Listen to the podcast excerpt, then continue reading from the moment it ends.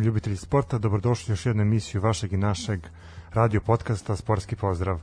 Omiljenog. O, omiljenog. Nekome da, nekome ne. Ovu emisiju započinjemo normalno. Neće biti nekih izliva emocija, neće biti psovki, nadamo se. Trudit ćemo se da budemo objektivni, trudit ćemo se da budemo profesionalni, kao što smo uvek i bili do sad. To ćemo ovaj put uspeti zato što nema toze. Pa naravno, zato, to, sam, to i, da zato sam ovaj najavio ovako malo dinamično. Sve u svemu, uh, ono što bih hteo da napomenem i da se zahvalimo svim ljudima koji nas podržavaju sve ove emisije, koji nas slušaju. Uh, stvarno dobili smo dosta pozitivnih komentara. Mi apelujemo da šaljete poruke, da pišete komentare, uh, podelite sa nama nešto zanimljivo što ste videli na sportskim dešavanjima. Mi ćemo se truditi da to ispratimo i da iskomentarišemo između ostalog. Ono što bih hteo još da napomenem, što je izuzetno važno i drago, jeste da smo dobili još neka novčana sredstva. To su neki mali znaci pažnje i neki pokloni, ali stvarno veliko vam hvala na tome i mi to cenimo i trudit ćemo se da uzvrtimo na najbolji mogući način. Da, možda nećemo srkati više u programu. Pa ovaj, to sam ti zabranio zvanično. Da, ovaj, ne, šan, zaista... To kad budeš išao kod tašte da. na ručak, onda srči supu i ovaj, srči limenke, da ovde nemoj, ovde je to zabranjeno moramo da, da, da se uozbiljimo stvarno. Osim kad dođe Toza pa žvaće mančmelo u mikrofon, ali dobro. e, kad smo već kod toga, ovaj, ljudi su se raspitivali za njegovo zdravstveno stanje, pa, reći ćemo da je dobro. Da, nije dobio diabetes, iako je pojeo dve kutije mančmelova i to ne velike, ovaj, ali dobro, Toza je opravdano odsutan. Pa, mislim, on, naš, on je došao ispucao se ovaj, jednu emisiju, sad ga opet neće biti neko vreme, ovaj, ali dobro, sad ćemo mi pokazati da možemo da budemo ozbiljni. Podigo mu se šećer, podigo mu se glas Sve je i onda je morao da tako reaguje. Da. Ovaj, pa ja se nadam da ćemo ga imati već u petak, ovaj, da će biti tu ponovo sa nama. Pa, takođe moram isto da se nadovežem ono što je Stefan rekao, znači zaista vam hvala na porukama podrške, na šerovanju, na lajkovanju, na svemu, na svim tim izrazima koje onom dosta ljudi ne znaju što znače, ali ni ni bitno, mi smo zahvalni za njih. Uh, hvala. Volkamo i mi vas. Volkamo i mi vas i ovaj želkamo vas. I nemoj nećemo se ubiti, al dobro. Ne ljubimo ni sebe. Ovaj... Čekaj, kako nećemo da se ljubimo? Nećemo se ljubiti. Pa su sad pustili. Ne sad. Čekaj, su pustili sad. Nije Sve još može pušteno, normalno. Nije još pušteno. Čekaj, znači, ne, ne, može još. Ne može. Može sad u kafiću do ponoći, ali muzika mora biti tiha. Pa dobro, tiha. Pa dobro, da, ne. Smanje pa se malo. malo. da. Pa na ti obilaziš te nemoj, mo, nemoj me sad vući za jezik, te tamo slušaš dodir leđa o leđa, ruka led ledena, ajde peš. Telo vreteno, telo znači kad sam telo vreteno. A da, a joj ti, tvoje telo vreteno, dobro. Da se vratimo na da sportske vratimo dešavanja sportske dešavanja. u našoj lepoj zemlji.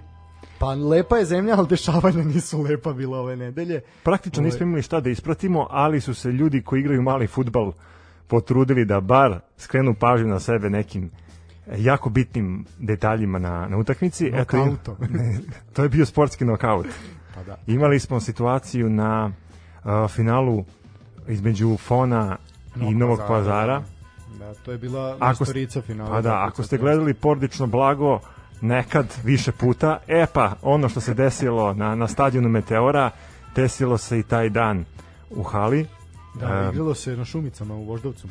Ovaj, pa da, zapravo šta se je prethodilo ovom sukobu, da tako kažemo, uh, bilo je nerešeno, jel, i valjda nekih nekoliko sekundi zapravo pred kraj, sam kraj ovaj meča je uh, igrač Fona postigao postigao pogodak ovaj za pobedu, jednostavno vreme je isteklo, sudija, tačnije sirena je odsvirala i tu je nastala neka frka, mislim, iz snimka koji je ovde priložen uz vestima sa YouTube-a, gde je zapravo snimak cele utakmice, ovaj, koja je inače trajala dva sata i nešto, mislim, zaista onako jedno iscrpljujuće, iscrpljujuće utakmice. Kao da gledaš NFL. Pa otprilike, da. Ovaj, Uh, nastala je neka frka gde je zapravo uh, doktor, koliko sam ja shvatio, to je doktor Novog pazara, ovaj, on je uleteo na teren da li je tu nešto bilo nešto nešto je rekao ne zbog nečega je počeo počeo mislim na snimku se kažem zaista zaista jasno ne vidi ovaj i jedan navijač preskače preskače ovaj tribine u Šumicama i onako nokautom sa leđa direktan pogodak onako u stilu Vasiba Kočevića. ovaj zaista nokautira čoveka, čovjek je ostao da leži na zemlji, tada su ušli druga lekarska ekipa Elfona. Ovaj tako da su pokušali, ovaj, na kraju jesu mu pružili, pružili prvu pomoć i na kraju su Novopazarci odbili da prime medalje, došlo je tu do još nekih gurkanja, golman Novog Pazara je iz revoltao, srušio gol u Šumicama, znači zaista onako jedan, jedan lep, lep ovaj, cirkus, pa u našem stilu. Da, kažem, zaista ne... ne ali moralo na finalu to da se iskaže i pa da, ono vrhu, jednostavno, da. eto, zato, zato je to popularan sport, zato ga ljudi igraju. Mi smo svedoci da da se na, na nekim rekreacijama to često dešava, eto ti i ja igramo rekreativno mali futbal, pa se trudimo. Igramo je teška reč. pa dobro, možda ti, ovaj, ti, ti si golman, zato i kažem neko da, da igramo. igramo je teška reč. Da. Ovaj, između ostalog, eto, imali smo situacije ponekad da, da se zakačimo, to je bilo prijateljski, da, hvatanje za gušu. Ovakvih, da, pa dobro, kao Dule Vujošvić Bogdana, to je sve prijateljsko hvatanje gušu bilo, jel? Ovaj, ali da, kao što je, kažem, taj Uroš, Uroš Krasnić je bio strelac na četiri desetinke pre, pre kraja meča, znači zaista onako i tada su svi uleteli na teren, ono, kao, kao ovaj, pre Kecmanove trojke u Zagrebu, otprilike tako izgledalo. I onda kažu da su da je igrač Fona Aleksandar Pavlović uvredio goste u Slavlju zbog čega vam kažem crvenim kartonom a što je izazvalo reakciju Novopazaraca. Uh, Denis Bošnjak je čovek koji je dobio dobio te udarac, on je doktor Novog Pazara. Inače našao sam vest da je taj momak koji je preskočio tribinu i nokautirao doktora zapravo odmah uhapšen brzom reakcijom policije. Bravo policija, bravo. Pa, hapsi, Samo hapsi. hapsi. E, tako da eto. Kad već ne možeš da hapsiš one koje treba, bar hapsi ove koji izazivaju nerede na sportskim dešavanjima. Pa vidi, treba i ovo hapsiti, nema šta bez bez Slažem se. Da. Ali opet gledam kako je moguće da je taj navijač ušao u I puno hala bilo. A, bilo puno hala. Da. A u... Pogledaj snimak, čuč. Ni, nisam gledao snimak, sam sam da, pročitao vest. Puno hala, bilo je to ozbiljno. Mislim, aj tribine na Šumicama nisu velike, mislim to znaš i sam. Da. Imaju sa ne jedne strane, a s druge strane su klupe, ali to je taj deo koji je bio je bio skoro popunjen. Opet propust redara, mada je i, i a sad je to veliko bio... pitanje, da li je da, pro... da, to je sad onako, ali ajde. Dobro. E, sad smo, na primjer, ja sam bio prisustvo u utakmici, neću reći da klub ne bi nagrabusio, ali e, niža liga ovaj, je u pitanju na teritoriji grada, ovaj, gde je bila puna, puna hala isto. Znači, bez, bez problema. Pa video si ti na novom nasilju mladost šta radi isto tako. Nema na tribinama, ali ima oko terena. Pa dobro, ali ima oko terena. Da, da. Pa. Ali zvanično redari su tu da da drže stvar pod kontrolom. Da, dobro, evo, još, još malo, pa još koji dan, pa onda više to neće biti i vratit ćemo se redom na stadionu i tako kao što je bilo. Samo da se proglasi pobeda, sad će biti proglašena. Znaš, ono biće proglašena pobeda, opstanak u ligi jednog kluba i sad je trener imenovan za još jedan klub, ovaj, ovoga mi krsta se vraća na mesto. E, to će možda na video dan. Mnoge velike stvari su se desile na video dan. Pa ćemo i na video dan da pobedimo koronu. Da li će kasno lalat na, na, u Niš stići na video dan? Vidjet ćemo. Da, dobro. Uh, vidjet ćemo. O tome ćemo pričati kad malo, kad malo priđe, priđe tome. Uh, ali, ali dobro. Dobro, što se tiče futsala, pa u suštini je to to fonu čestitamo čestitamo ovaj titulu. Bravo studenti, bravo. Bravo studentario, bolje da učite. A dobro više kad idete na fonu, onda nemate šta da učite, onda možete igrate fudbal. Ne, neki mogu da igraju fudbal, neki igraju ovaj, neke druge igre. Na primjer? Uh, ono, Cugopol i tako to. Da, sam već što reći, da, pa dobro, kad te kartaroške, alkoholičarske igre.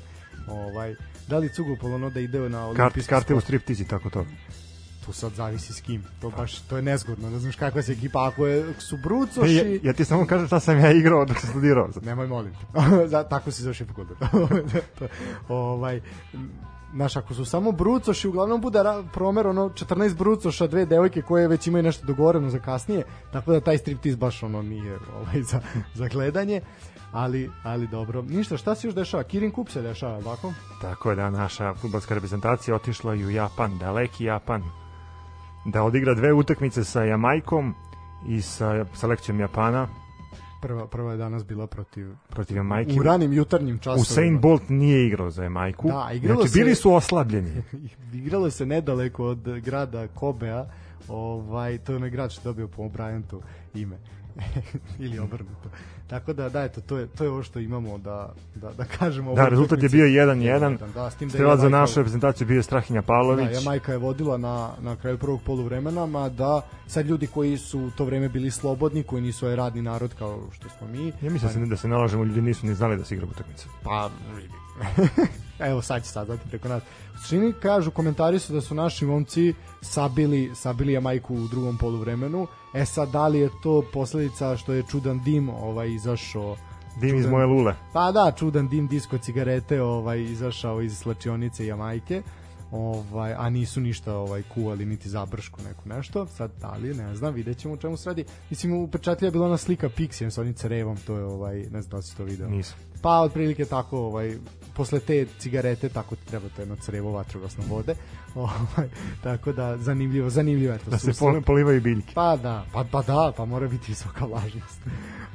tako da u suštini da, čestitamo Strahinji Pavloviću na na prvom golu u reprezentaciji. Da, on je na osam utakmica eto postigao svoj da, prvi da gol. Da, imao, imao da kažem hendike po znacima navoda da je imao neku infekciju oka koju je pokupio na odmoru pre nego što će doći doći na okupljanje reprezentacije, ali eto čak i čak i takav je uspeo da uspeo da se izdigne i da i da postigne pogodak svaka čast Mladan Pavloviću i mislim da ćemo ovo značiti mnogo za samopouzdanje. A ono što je još karakteristično za našu reprezentaciju jeste da su igrali sa devetoricom debitanata, uh mhm. -huh. sedam startera i trojicom koji su ušla u igru tokom uh, meča. Uh, kako ti posmatraš uh, to što je Pixi dao šansu uh, mnogima koji nisu ili koji neće biti u kombinaciji za kvalifikacije koje prestoje?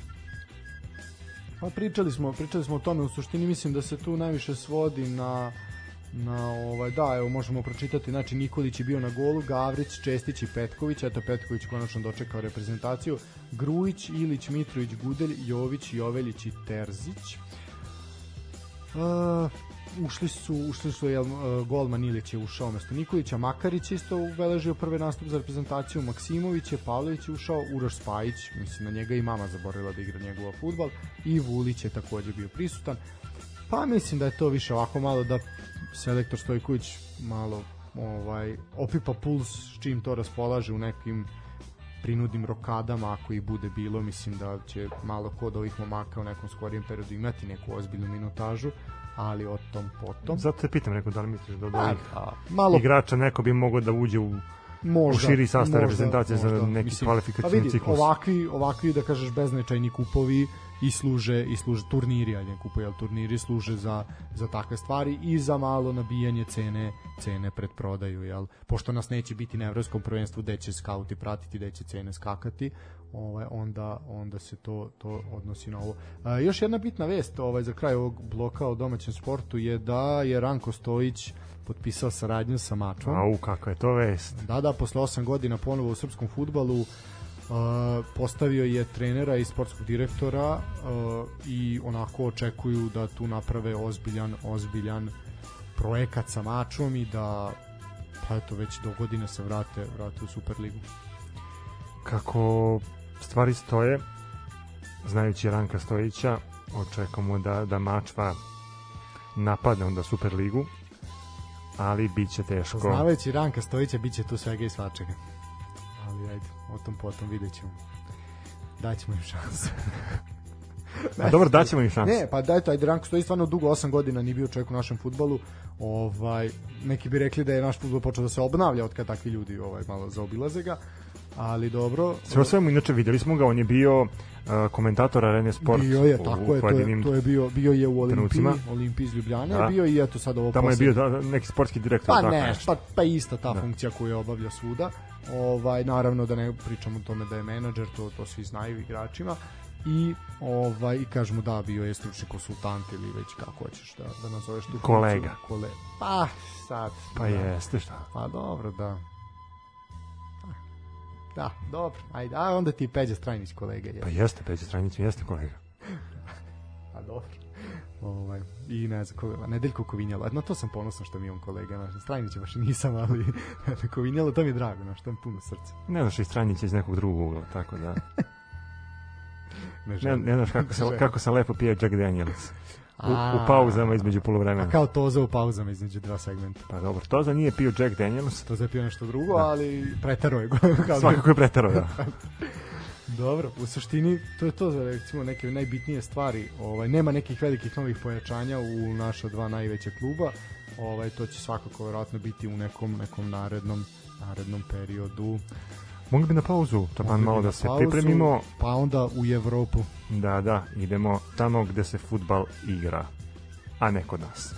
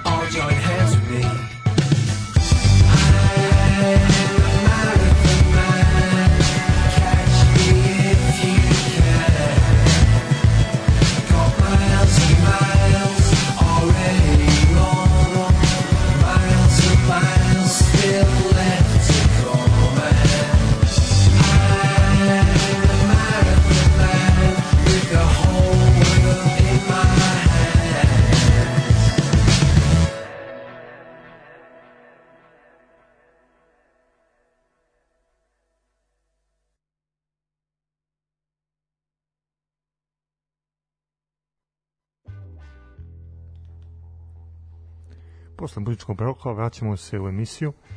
Danas imamo tu čast da ponovo gostimo našeg uh, stručnog analitičara Nikolu. Uh, Nikola, dobrodošao još jednom u sportski pozdrav. Dobrodošao, lepo te vidjeti ponovo. Hvala i bolje vas našao. Uvek je lepo doći negde gde deliš određene vrednosti sa ljudima i ovaj, drago mi što sam ponovo ovde. Od mog prvog dolaska ovde moram da pohvalim uh, ovaj podcast. Um, zaista ogroman napredak od prve emisije do danas. Mislim, da, napred... da, izbacili smo tozu.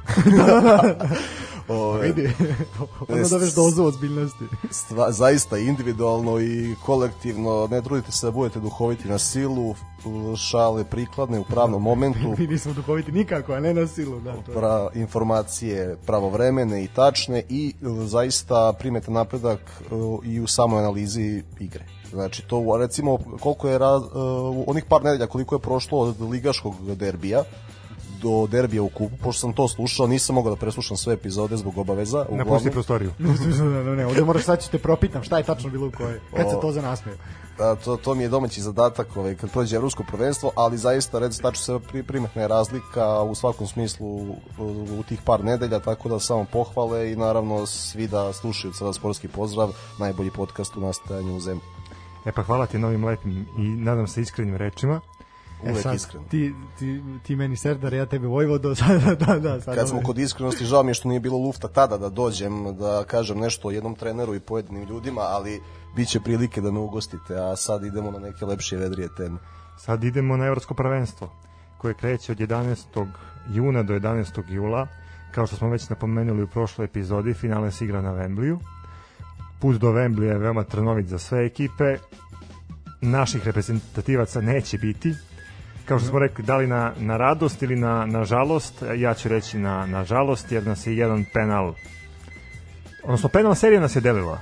Pa dobro da, pa jedan penal, ajde, može se, može se tako reći, ovaj, ali ne znam, ja uvek nekako više volim prvenstvo kada nema naših, onda mogu opuštenije to da pratim. Ovaj, ali mi imamo osjećaj ja, to znaš, pazi, smo kada nema naših, nema nagradnih igara, nema promocija po marketima. Ima, kako nema... nema. Kupiš šest piva, dobiješ majicu, kupiš pet piva, dobiješ čašu. Dobro, ali nema, nema sa našim rekvizitima. Uh, kome trebaju naši rekviziti. Pos, posle one reklame sakupite sve sličice Keži Žigija za prvenstvo 2006 u Nemačkoj sve je besmisleno. Ali zavisi da, da, je, da je pogođen i taj penal, onda bi se možda ne bi menjao selektor, tako da sa prethodnim selektorom na radost što nismo tu, sa ovim na žalost što nismo tu. Ali ima vremena za njega. Ali je, pošto kaže Ivica Kralj, Bože moj, život teče dalje, idemo u Katar. Tako je. Ovaj, Probat ćemo da idemo u Katar, da. a mi sad idemo na, na euro.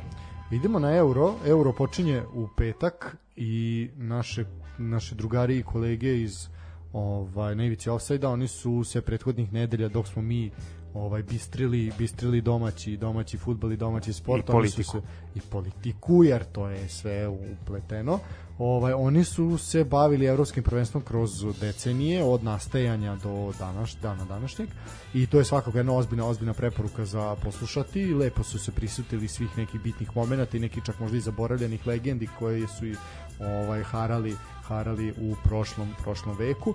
A mi ćemo pokušati da na naš neki način i kroz našu prizmu kako mi gledamo fudbal i na koji način i kako posmatramo ovu igru naravno uz Nikolinu Nikolinu stručnu pomoć da malo najavimo najavimo to evropsko prvenstvo najavimo učesnike najavimo grupe pa dokle stignemo, stignemo, ako ne, možda ćemo i nastaviti, možda ćemo kao Netflix da silujemo, ono, 18 sezona najave, će ono, naš u septembru i dalje najavljuju evropsko prvenstvo koje je prošlo, ovaj, tako da ništa, momci moji, ajmo pohitati, ima puno, puno ovaj, za, za pričati.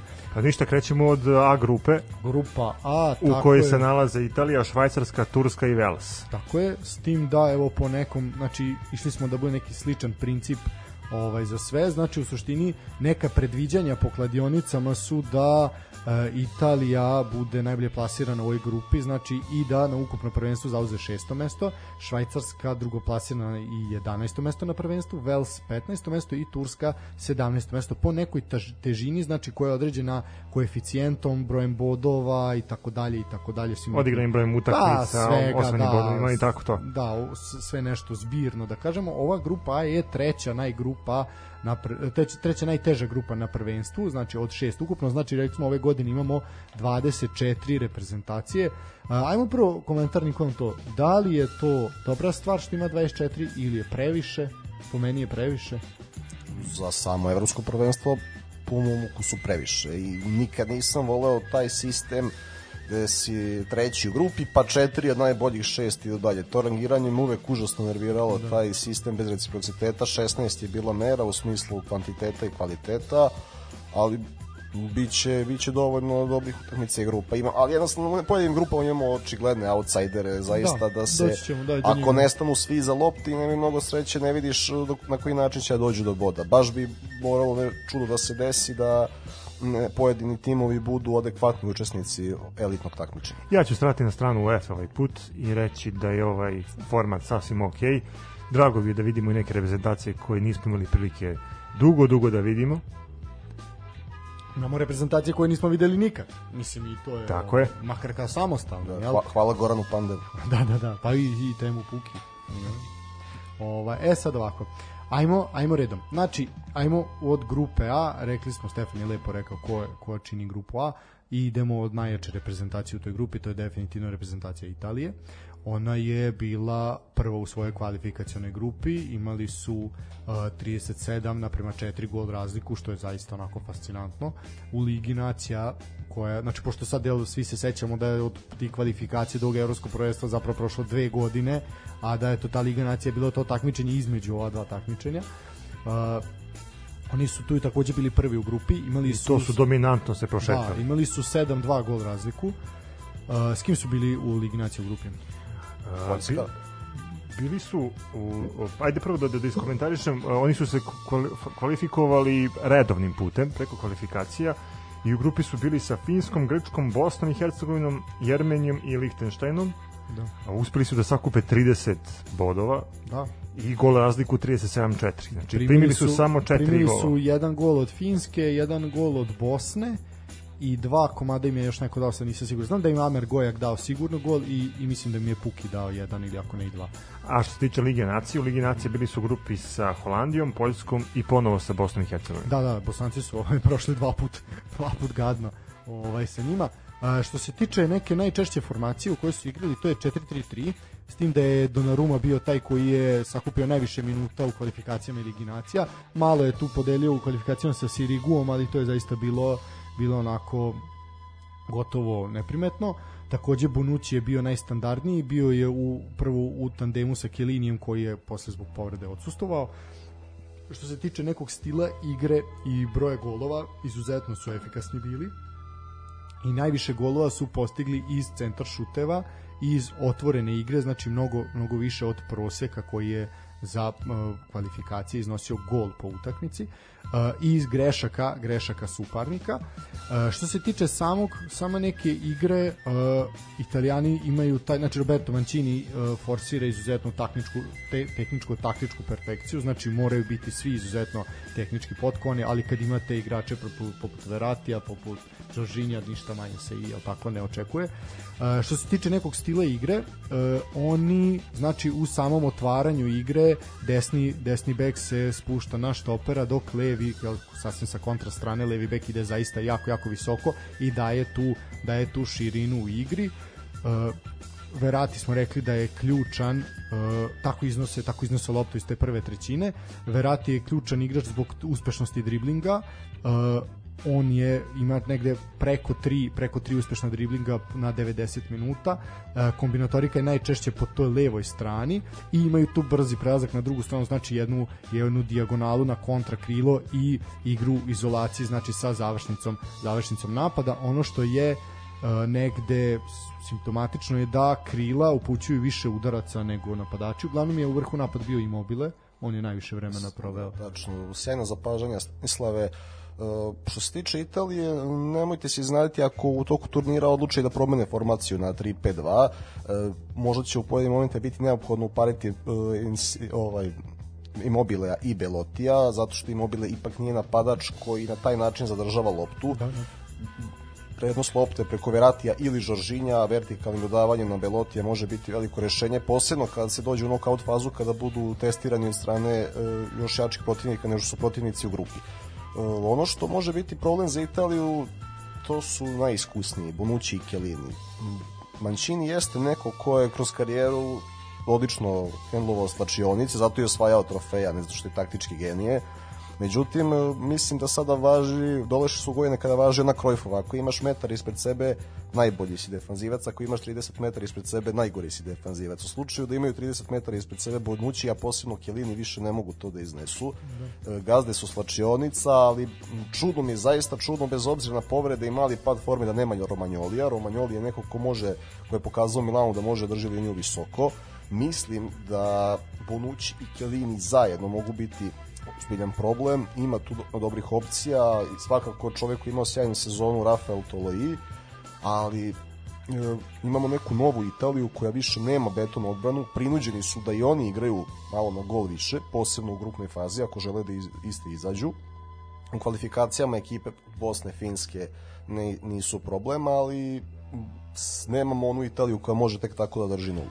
Biće, imaju dobru, oni uvek imaju dobru hemiju između sebe, imaju odnos repe, prema reprezentaciji. Da, kultni to ne, priča, da. Da Englezi imaju to i Žoržinja ili Veratija još na poziciji šest, možda bi bili opravdano prvi favoriti kao, kao što kažu kladionice, ovako što se mene tiče to nisu, ali kad imate takva dva igrača na šest, tako, tako dva igrača koje se na taj način pozicioniraju, iznose loptu vertikalno dijagonalama, mislim da će im to biti ključno oružje, efikasna tranzicija. E, sad dolazimo do individualnog kvaliteta na krilima, to je profil igrača na koji oni nisu navikli da stvare. Uvek smo imali prima, segunda punta i trekartista, ovo je neka nova Italija koja još uvek nema elitne krilne futbalere.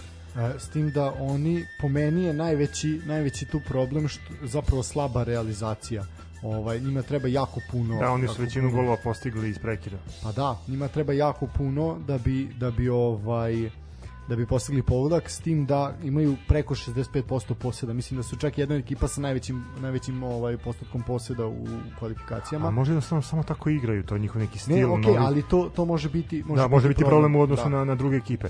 Kada imaš u grupnoj fazi Verati je Žoržinja logično će se opredeliti za no, taj način naravno. igre. Mancini je odlučio da iskoristi onaj bolje što ima uz Lorenza Pellegrinija koji će operisati verovatno iz njih dvojice i tražiti svoju šansu iz drugog plana. E, mislim da u ovoj Italiji fali fali igrač poput Markizi ili ranije Gatuza koji će svojom trkom na sredini da nadomesti e, veći procenat osvojenih duela koliko god da su Žožinji verati majstori pozicione igre, fali trkač, Pellegrini je odličan futbaler, ali nije baš to. Mislim da će im e, neke opcije sa klupe u drugim polovremenima značiti da baš, baš u tom segmentu igra osvajanje ničih i drugih lopti da li ti deluje, bar meni tako deluje, da je nekako Italija nije još, ta, ta ekipa nije u svom punom zenitu, kao da će sledeće veliko takmičenje biti njihovo. Tako meni deluje, kao da im malo fali, malo fali da bi bili prvi favoriti. Ali im elitni krilni futbaler kakav je recimo Jadon Sancho ili Mohamed Salah ili Sadio Mane, Hyo Ming Son, oni nisu oni su ljudi odviknuti od tog profila. Oni pokušavaju da se menjaju preko nove generacije trenera kao što su Di Francesco, Roberto De Zerbi. Međutim, mi znamo da znači, Italija uvek igrala sa sedam defanzivno orijentisanih futbalera, jednim koji ima punu slobodu i dva napadača gde uvek jedan napada u binu, drugi čuva loptu. To je neki šablon bio koji više ne može da funkcioniše iz opravdanih razloga. Dobro je što ne može ako se ja pitam, ali sada momci poput Insinija, Bernardeske, Kjeze, e, nije, nije još to to. Fali jedan elitni krilni futbaler da bi mogli više da uradi na ovom takmičenju. Vidjet ćemo kako će im teći dalje karijere, posebno momcima iz Juventusa, čije vreme baš tek dolazi, ali eto kad su već naturalizovali Brazilca, Žoržinja i Toloija, pa eto, možda, možda bi im značio jedan naturalizovani i unavali kako bi, kako bi ispunili pun potencijal. E, dobro se ovo primetio. Uh, kako ti komentarišeš uh, taj proces naturalizacije kod da Italijana? Na ovom evropskom prvenstvu će biti jako puno naturalizovanih igrača. Lično nisam bio nikad fan toga mada postoje neke specifične okolnosti, nekom određena zemlja da sve, ali nisam, nisam bio pristalica toga da neko tek tako dobije pasoš. Mislim posle. da niko nije to očekivao, pogotovo od Italijana znajući njihovu školu futbala, znajući da imaju tradiciju osvajanja. I da se oslanjaju na da, tu i da se oslanjaju na tu tradiciju, baš tako. A, uradili su baš zbog škole futbala, koja je shvatili, shvatili oni da zaostaju, i, ali i dalje kaska. Jednostavno, baš su bili specifični njihovi profili futbalera, u, jako redko kažem, ključno ovo sa krilima. Danas ne možete ništa da osvajate bez krila. Ne postoji ekipa koja može nešto da uradi i da nema bar, bar jednog elitnog krilnog futbalera. Oni su se odvikli od toga. Sada pokušavaju u mlađim kategorijama da traže taj profil igrača što među domaćim futbalerima, što da naturalizuju, traže drugačije profile napadača. Dok to ne dođe na svoje, falit će elitnog napred, ali s druge strane uvek će imati ako nema Pirla tu je Verati ili naturalizovani Žoržinjo, če, uvek će imati playmakera, uvek će imati pouzdane centralne bekove, školovane, mirno će iznositi loptu, ali kao što si dobro primetio, fali realizacija, a fali baš zato što nemaju igrača napred sa killer instinktom. Da, što se tiče što se tiče utakmica koje e, Italijani igraju, oni će prvu utakmicu zapravo i otvoriti na u Rimu na na stadionu Olimpico el protiv Turske u petak u 21 čas. Zatim će o 16. juna igrati sa Švajcarskom i 20. juna igrati sa Velsom. Oni su jedna od retkih reprezentacija koja igra sve utakmice u jednom gradu. E, kratka predikcija e, Italijani će sigurno biti prvi u grupi, ja mislim da to da, mislim da su toga, definitivno da. oni prvi favoriti. Koliko misliš da mogu daleko da odu?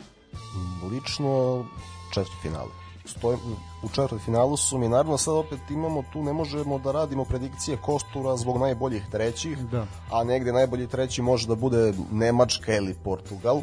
Da. Imamo takve grupe i zaista je nezahvalno raditi predikcije dok se sam kostur ne formira. E, na papiru italijani su mi ekipa za četvrti finale, nikad ih ne otpisujem zbog kulta i hemije, ali objektivno to ima neki limit. Ja ću da napomenem samo o, eto to tvoje previđenje vezano za četvrt finale.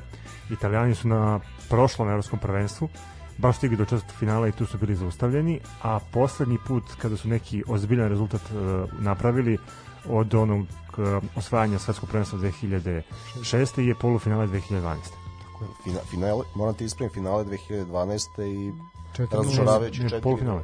Polufinale su stigli su do polufinala na evropskom prvenstvu. Ne, ne, do finala 2012. Izgubili su 4-0. Da, Izbacili su Nemce, Vaj Olme mi i balot, da. čuveni Balotellijeva majica.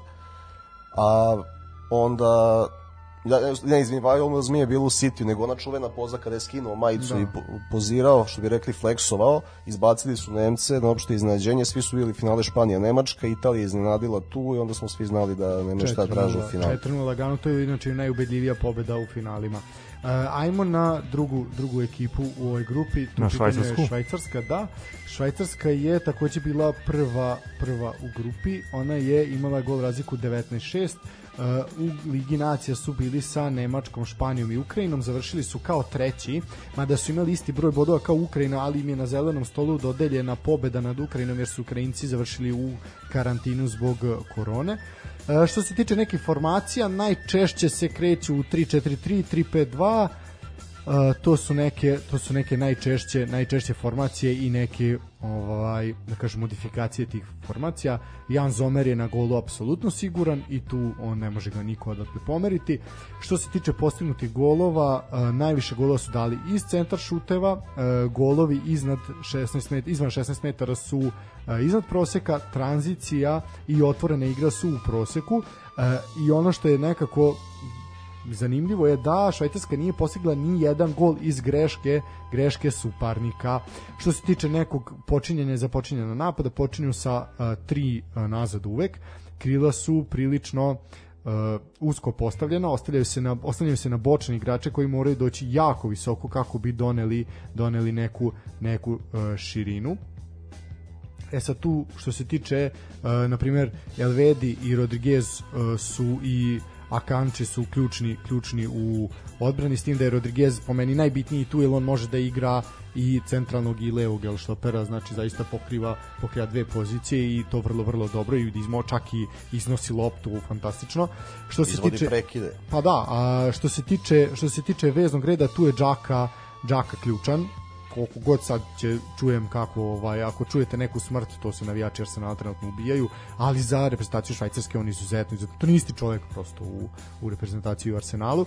I što se tiče napada po meni je tu Haris Seferović ubedljivo ubedljivo najbitniji najbitniji igrač. U otvaranju napada štoperi igraju sa bekovima i preko bočnih pozicija lopta lopta ide napred, znači bekovi su jako bitni jer oni onemogućavaju protivnika da oduzme loptu u prvoj trećini trećini terena tako što se spuštaju i formiraju trougao sa veznim igračima i samim tim lako lako iznose loptu.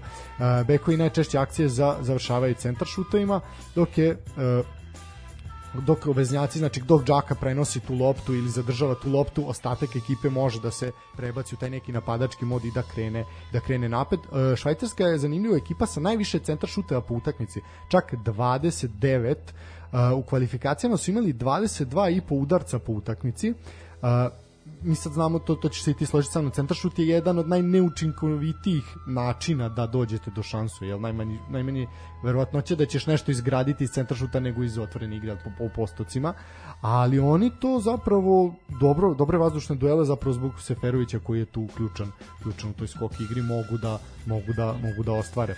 izbor, izbor igrača na poziciji 9 jednostavno zahteva to. Kada imaš Ricardo Rodrigueza i Granita Džaku nije problem da igraš tako. Su, kada je Šačiri raspoložen imamo, imamo tri igrača sa tri potpuno različite centra šuta i ne, zato igraju direktan futbol, Vladimir Petković je to forsirao i u klubskom i u reprezentativnom futbalu ovi momci dugo igraju zajedno, postoji neka osovina, znači Mer Rodriguez, Džaka, evo konačno nema... To je ekipa isto svetskog prvenstva, da, prethodnih i da. To je već prethodna dva svetska prvenstva, tako, veliki broj futbalera, eto, čudno je gledati ih bez Valona Behramija. da, da, da. E, tako da... Hvali taj plavi pramen, ovaj, da. U, ovaj, plavi pramen i 12,5 pretrčanih kilometara. Tako da... da, što se tiče odbrane, dosta nisko stoje i tu je onemogućena neka šansa za kontru. E, gube jako puno duela na sredini terena, ali ta upravo gostina kojom se brane, kojom brane taj centralni koridor i spaša u tome da nemaju nemaju puno kontri i ono što je Uh, zanimljivo, jako mali broj udaraca dozvoljavaju iz kaznenog prostora, jer upravo ova trojica koju smo naveli su zapravo jako, jako dobri skakači. E, ne, ono što oni će imati zbog svojih centralnih bekova, kao što su imali problema mm, oni nisu rešili problem pre tri godine kada smo svi znali da će Aleksandar Mitrović da im da gol. Jednostavno, tada smo pričali o tome do duše privatno, nismo ništa snimali rekli smo Mitar i Sergij su za Akanđija i tada ne mogu se setim ko je Da, da isto je bio Rodriguez, ali ko je bio da Ne, Rodriguez je bio na, da. isključivo na beku, tad da. su igrali malo drugačije, Rodriguez je bio mlađi, imao će radio skretanja, tako da se nije toliko spuštao, tada se Behrami spuštao u prenosu lopte. Sada kad nema Behrami, Rodriguez je preuzeo tu ulogu bočnog štopera, a istovremeno to više odgovara Akanđo, ne mora da on da se izlači. Bočno da ostaje centralno, a Kanji što je moj manji radio skretanja, to je efikasniji, manje razmišlja.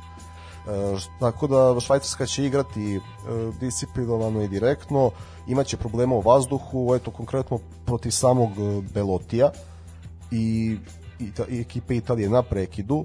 Što se tiče Turske, imaju sreće da za Tursku fokalna tačka napada je Burak Ilmaz koji napada opet nešto drugačije. Ćemo, da, nazirat ćemo i Tursku. Dokle misliš da Švajcarci mogu Zapravo, ajde, ne, dok mogu, da li mogu proći grupu? Da, da. Apsolutno mogu da prođu. Ovde grupa je takva, iskreno, da svi mogu da je prođu i nije sramo, čak i nije neka sramota da ovde neko bude četvrti, zato što imaš Italiju, imaš tri ekipe uh, sličnog ranga. Da. da. Dobro, uh, što se tiče što se tiče Turske, doći ćemo sad, mislim ima tu jedna bitna bitna stav. Mislim da će zapravo ta a očekujemo znači da će Italija realno dobiti sve tri sve tri ove ekipe.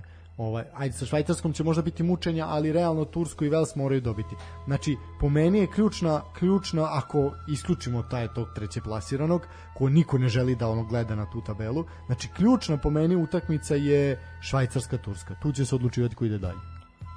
Na, na papiru tako lično ne pocenjujem ni Vels, zato što zaista m, Turska igra prilično promenljivo. Oni mogu da pobede sve tri utakmice, ali izgube sve tri. Da, sad ćemo pričati o tome da zaista imaju... Ne, ne zavesti se prevremeno. Da, što se tiče Švajcarske, što se tiče Švajcarske, samo da pomenemo Džaku, Uh, to što neko nije ispunio pun potencijal u Arsenalu, nažalost ne, zna, ne znači ništa. Džaka jeste drugi čovjek u reprezentaciji, jeste lider, i apsolutno uz Šačirija ključni igrač. Ono što je sada problem, a nije bio problem na prethodnim velikim takmičenjima za Švajcarsku, to je što Jordan Šačiri ne igra za klub.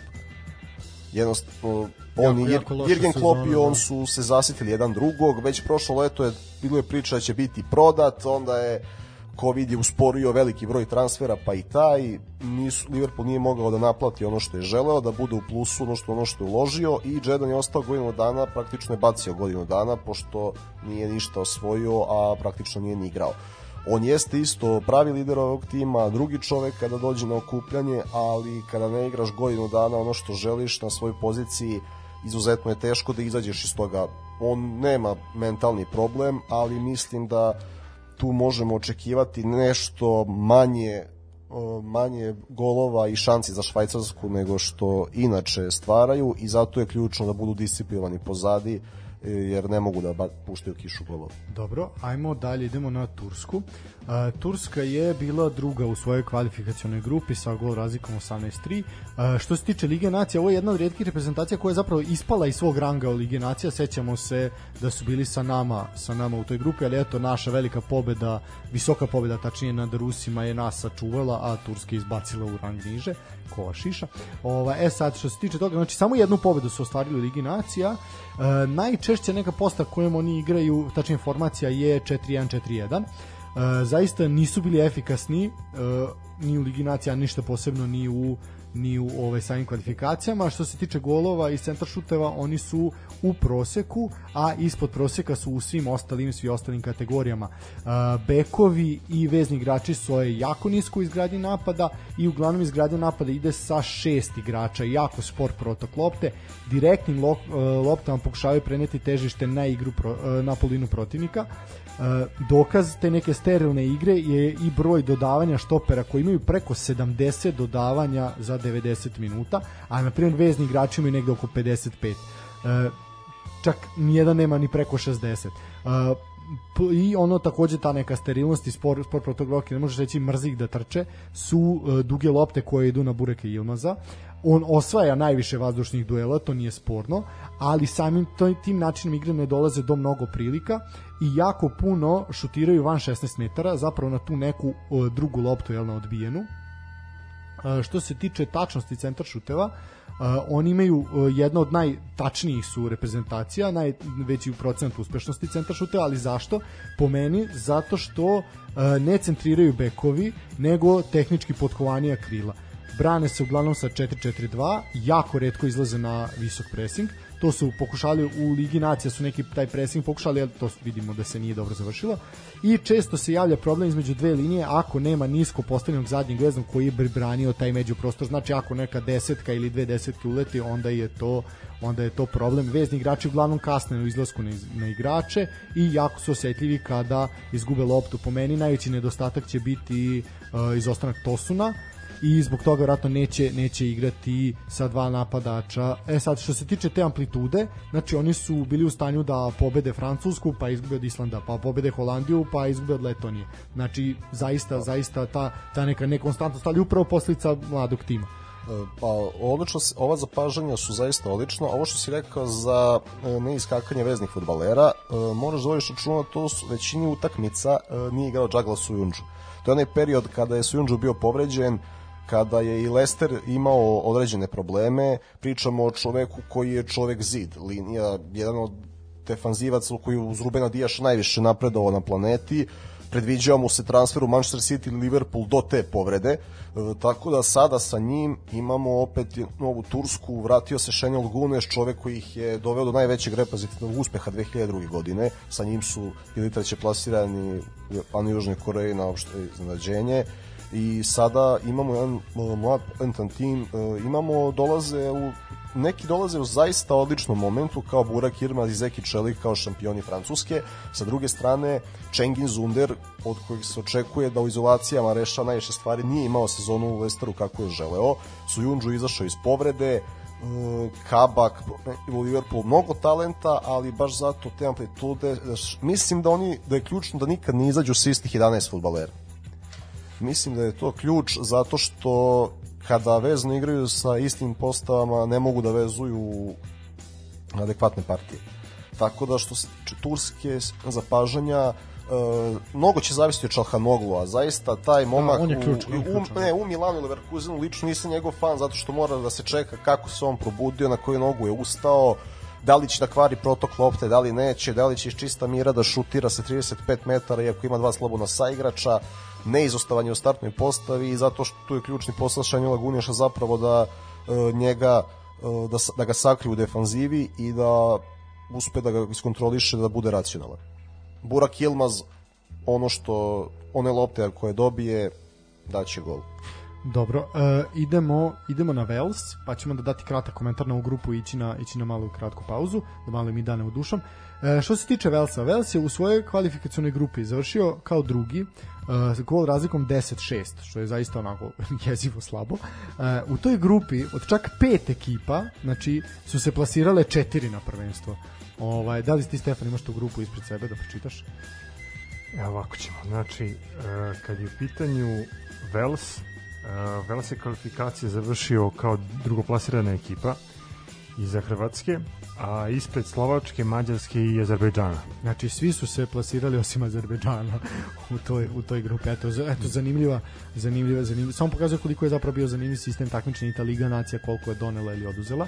Što se tiče Lige nacija, oni su bili prvi u svojoj grupi sa gol razlikom 7-1, što je zaista onako zaista fantastično. Što se tiče neke formacije koje igraju, to je klasično 4-2-3-1. Henes je bio zaista standardan na golu. E, što se tiče e, postotka golova, čak 53% golova dali su iz centra šuteva, ostatak van 16 metara, jako mali broj golova, gotovo neprimetan iz greške protivnika i otvorene igre. E, što se tiče samo kreiranja napada, moguća je rotacija sa tri igrača nazad, kreiranje igre preko bočnih pozicija, E, bez pomoći tih bočnih igrača, znači kada se oni ne spuštaju, jako teško iznose loptu. E, e, to je zato što se veznjaci ne ističu nešto mnogo kvalitetom od protivnika i zbog toga često nabijaju duge, duge lopte napred. naravno, Bale, od Bale se tu najviše očekuje kao nekog najvećeg kreatora koji će tu najviše napadati neku dubinu. on sad zbog već godina i jednostavno i forme u kojoj se nalazi sve više više traži loptu loptu u noge, u noge nego što je to pre pre radio. napadač je klasičan klasičan target man, znači gađaće ga, gađaće ga lopta, on će dalje to distribuirati kome, kome stigne. jako slaba tranzicija, igrači su tromi, ne mogu podneti brzu igru, bez presinga igraju, uglavnom se brane tako što se postave visoko zonski i gledaju da preseku dodavanja e, i kada preseku imaju visok procenat presečenih dodanja, oni ne idu u kontru, već daju protivniku poprilično vremena da se on vrati i uspešno organizuju odbranu. Znači, ne igraju na posed, imaju ubedljivo najslabiji posed na prvenstvu, mislim da je Makedonija je bolja od njih. E, protivnici jako lako ulaze u šansu i mislim da će ih ta neaktivnost koštati. Što se tiče vazdušnih duela, uz Turke su tu ubedljivo najbolji. Igraju na jako puno prekšaja i po meni su jako, jako teški za gledanje. Oni imaju na sebe jednu, jedno breme generacije. Pred pet godina na Evropskom prvenstvu u Francuskoj uh, stigli su do polufinala. Uh, sada, evo, ti si dobro to izneo, uh, imaju jako male šanse uopšte da prođu grupu.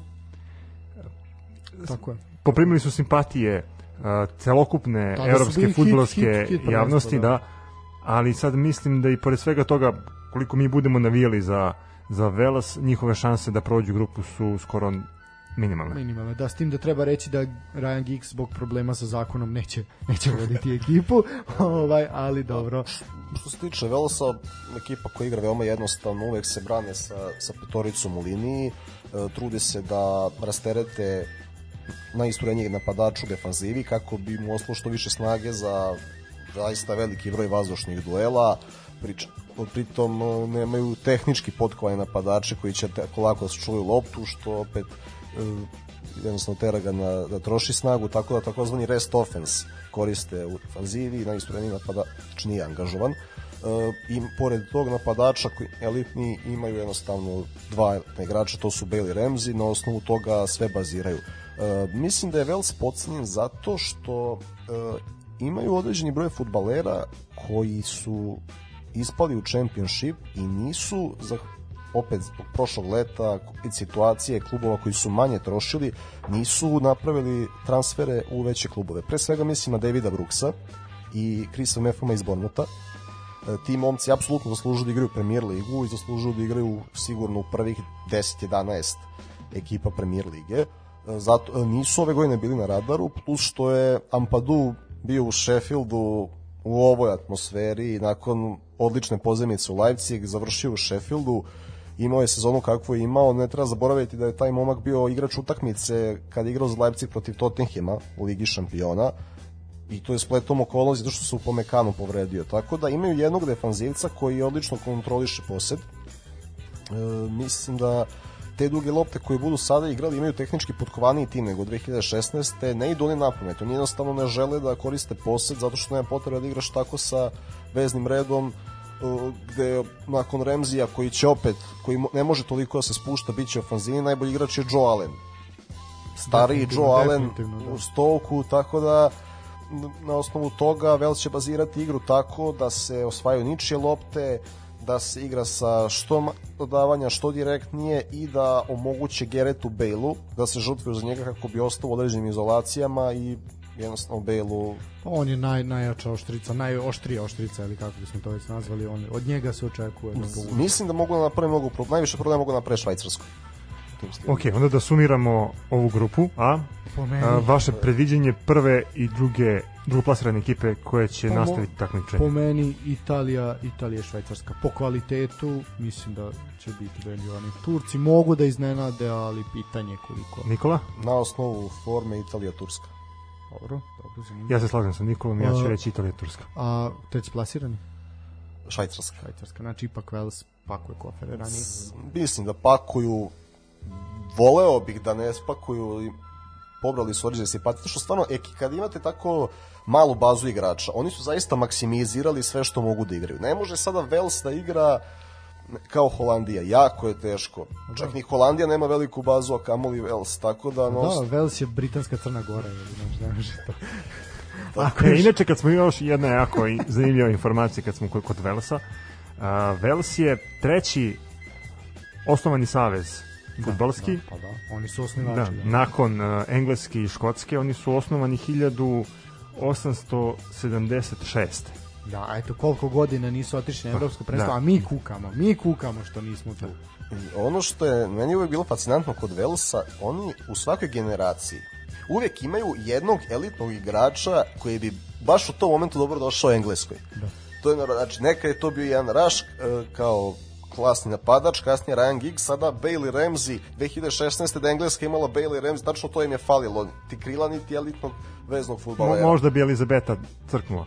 Ne, nemoj tako. Dobro, dobro, izvini, izvini, izvini. To, to, su, to su dva oka u jednoj glavi koji mi crnogorci. Ništa, ova, idemo na jednu kraću pauzu, pa malo da, da se, da se refrešujemo što bi se reklo. Eto na, što bi na... rekao to za standing ovation. Da, da.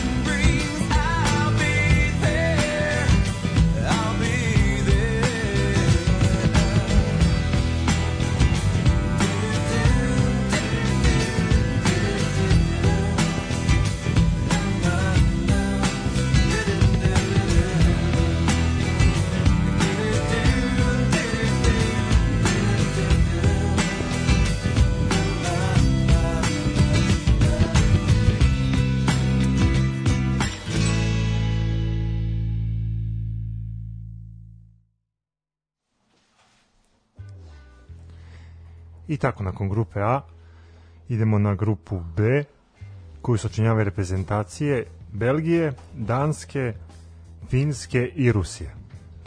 Krećemo prelistavanje i analizu sa Belgijom kao Tako je. jednom od učesnica grupe B. Tako je, uh, Belgija je, da kažemo, ajde kratko, samo neka predviđanja. Uh, za Belgiju se zapravo, ona je po, po ovim nekim podacima zapravo prvi favorit turnira. Uh, Danska je negde favorit za neko deveto mesto, Rusija za 16. i Finska za 21. mesto. Po uh, nekim tim bodovima, upravo, a najviše zbog te Belgije i Danske, ova grupa je svrstana kao druga grupa po težini na evropskom prvenstvu. Što se tiče Belgije, uh, Belgija je kvalifikacije završila sa gol razlikom 43. Svaka pobeda mi je bila sa dva ili više gola razlike, mislim da su zapravo samo uh, jednu, dve utakmice su rešili sa dva gola razlike, sve ostalo su bili više, imali su jednu 2-0 pobedu, jednu 3-1, sad će to Todorović da proveri. Uh, što se tiče Lige nacija, tamo su takođe bili prvi sa gol razlikom 16-6. Što se tiče uh, neke formacije koje najčešće igraju, to je 3-4-1-2. Uh, najstandardniji igrači su svakako Courtois, Vertonghen i Lukaku. Kao i u prethodnoj grupi da, da. i ovde imamo situaciju da pojedine reprezentacije igraju ponovo zajedno. Pa tako Belgija i Rusija kao reprezentacije koje su se direktno iz kvalifikacije plasirale na Euro. Upravo su te pobede bile protiv Rusije 2-0 da, i 3-1. Da, igraju ponovo u, u grupi B. Uh, iza njih uh, su ostali Škotska, koja svoju wild kartu znamo dobila. Kako, znamo kako. Kako je dobila.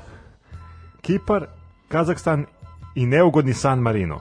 San Marino gol razlika 3 e, ne 1.51 da znam da je nešto da. Taj jedan dan bio neradan inače kad su dali gol. Ovaj zna se koji u Kaću slavi kad San Marino da gol to je isto pozdrav za našeg Žiku on je ovaj verni fan. čovek koji je sa San Marinom ozbiljno drao na FIFA. Tako je on čovjek izabere San Marino i ovi ostali sednu i plaču, razumeš, ne mogu mu ništa. I onda su e, zato... zato... pogodi 10 utakmice islamskog kupa. e, zato Stanislave ti sa njima ne možeš u grad. E, Taj, da, da, tako je, da. E, ovako, što se tiče efikasnosti, znači Belgija je ubedljivo najefikasnija ekipa kvalifikacija, uh, ubedljivo najviše golova iz otvorene igre i izvan 16 metara. Imaju prosek preko 3 gola na utakmici, iznad proseka su bili i u ostalim poljima, samim tim, jel, kad si tako efikasan moraš sva polja zadovoljiti. Što se tiče uh, njihove igre, igraju sa tri štopera pozadi, uh, oni umesto da igraju, znači sa četiri nazad, igraju sa tri, znači gde bi dva igrača išla visoko, uh, on, oni povlače jednog veznog, jednog veznog unazad, uh, podižu bekove i dobijaju formaciju 3-4-1-2. Takva formacija se jako bazira na bočne pozicije. Uh, utoliko je to možda i čudno što u Belgiji na levoj strani igra, igra mladi Azar, koji je klasičan, klasičan veznjak i fali mu ta neka probojnost, ali i odbrambena sigurnost. Uh, štoperi nisu baš najjača karika tima, to vidimo time što je Thomas Vermalen vraćen iz prašuma Azije, ovaj, sa koliko, 35, ili tako nešto? Tako, 36 godina da, sada da, već da. i ono, to je ono što englezi kažu they've got no legs. Da, znači, a nemaju koga da pozovu, da. Jednostavno, noge izdaju Iver Malena i Tobi Alderweirelda, um, mislim da što se tiče formacije sa wingbackovima sada imaju dve opcije konačno. Ne, mislim da više ne moraju da improvizuju zato što imaju Timotija Kastanja s jedne i Umenijeja sa druge strane. Nije da je, elitni defanzivac, ali i to je bolje nego ove improvizacije sa Torganom Azarom i Janikom Kraskom. Da. Što se tiče poseda, imaju jako kvalitetno izražen posed, štoperi su izuzetno smireni na lopti, znači jako lako se, jako lako se iznosi, mislim tehnički su i potkovani, ali jako lako se iznosi, iznosi lopta iz prve iz prve trećine, znači jako lako dolaze dolaze u u samu u protivnikovo polje pa i u završnicu, samu završnicu napada. Ključna stvar sa Belgijom jeste ta što jednostavno kad dođemo na turnir ovog tipa imamo dve faze, imamo ligaški sistem u grupi, imamo eliminacijni sistem. Belgija je možda najbolja ekipa za ligaški sistem. Ja zaista očekujem da osvoje 9 bodova. Možda da se Danska provuče neki remijem, ali zaista sumnjam. Nije problem Belgiji da pobeđuje u grupi, nije bilo na prethodnim turnirima, od kad je ova generacija oformljena, jednostavno Belgija je tim koji zakazuje u knockout fazi. Uh, se još i u Rusiji, Marouane Fellaini ih je ulaskom spasio protiv Japana i Nasser Chadli, znači Martinez je potpuno izgubio utakmicu nadigranost japanskog selektora, naravno da nisu imali promil šanse protiv Francuza, pre toga Velsih iznenadio, pre toga opet e, kada su očekivali da će da pobede veteransku Argentinu, Iguain je ih izbacio Dosta su se izlačili na Edena Azara i to je mislim da će ono što biti problem ove godine, da će imun jako faliti. E, to je sad, znači, prvo što je Kevin doživeo povredu u finalu Ligi šampiona, drugo što Azar ima lošu sezonu. Znači, sada kako da staviš Azara na klupu, to nije jednostavan potez. Sa druge strane, nadomesti, može, Romelu Lukaku može da nadomesti stvari, igra sezonu života, čovek tim u Interu, jednostavno sve bazira na njemu. Mislim da treba da preuzme palicu, da se nametne. Mislim da je ovo idealan trenutak za njega. Izuzetno je bio osporavan, podcenjivan. Zaista zbog njega lično bih voleo da ima turniri snova, da bude najbolji strelac i da do kraja puši usta svim kritičarima. Jedan fenomenalan momak sa teškim detinstvom, malo ću da se fokusiram sada na njega, koji nije imao gde ni da gleda utakmice. Pričao je o tome i da dan, dan danas kada može da priušti sebi da gleda sve, kada ne trenira i ne igra utakmice, gleda čak i Cvajtu, samo da bi primetio nešto novo u igri, nazove Thierry Anrija, analizira sa njim utakmice koliko mu znači. Nekada je bilo ga je sramota u razredu da kaže da nije gledao final Ligi šampiona, da nije imao na čemu. Pa onda je čekao da vidi snima golova, da se pravi da je nešto video. Imao je zaista teško detinstvo i kad su ga pitali se, sa 8 pri, pri, godina... Pritom je preživeo penal seriju protiv Partizana, dok igrao za Anderlecht. Da, da, Radi Šilić ga ovaj, izbacio, to je trauma. To, to je stvarno trauma ozbiljna. Ja, ovaj, sa 8 godina su ga pitali, mama me, dobro, koliko ti treba da dobiješ prvi ugovor, kaže još 8 godina. I sa 16 je zaradio prvi novac od Anderlehta i počeo da hrani porodicu. Tako da, zaista zbog njega želim lično da ima dobar turnir. Belgija će da se prošet kroz grupu i onda čekamo Kostur. Mislim da im je ovo poslednja prilika, bar da. za pojedine poslednja prilika da zreli, Zreli, zreli favoriti da, da nešto urade. Ne bih ih stavio, ne znam gde se to, ne bih ih stavio za prve favorite, ali sigurno u prva pa, tri. Po pa kvalitetu. da, mislim po meni... Po u meni, grupi ubedljivo. U grupi ubedljivo, a što se tiče, pa po meni su negde izjednačeni sa, sa Francuskom. Kratko ću još samo reći, znači oni imaju peti posed na prvenstvu od nekih 57%, e, štoperi mogu bez bočnih igrača da odigraju direktno na centralne vezne, dosta lagano izlaze sa svojih pozicija, imaju stabilnost da izađu na kraj sa presingom, centralni vezi takođe lako zadržavaju, zadržavaju posed. Drugi su po tačnosti dodavanja sa 87%, jako su fluidni u tom delu igre, znači dva igrača uvek idu između linije, imaju te dve desetke, kao što smo rekli, faliće im jako jedan Azar. E sad, ta jedna desetka zajedno sa Kevinom De Bruynem jako lako upošljavaju Lukaku i dolaze dolaze do udaraca ka golu. Znači, pritom što je Lukaku, ovo što je Nikola rekao, jedan stameni igrač koji može da igra i leđima okrenut golu, ali je izuzetno opasan i ako licem se okrene golu i krene da juriša ka tebi, to je isto, pogotovo zbog svoje konstitucije, onako zaista, zaista deluje zastrašujuće.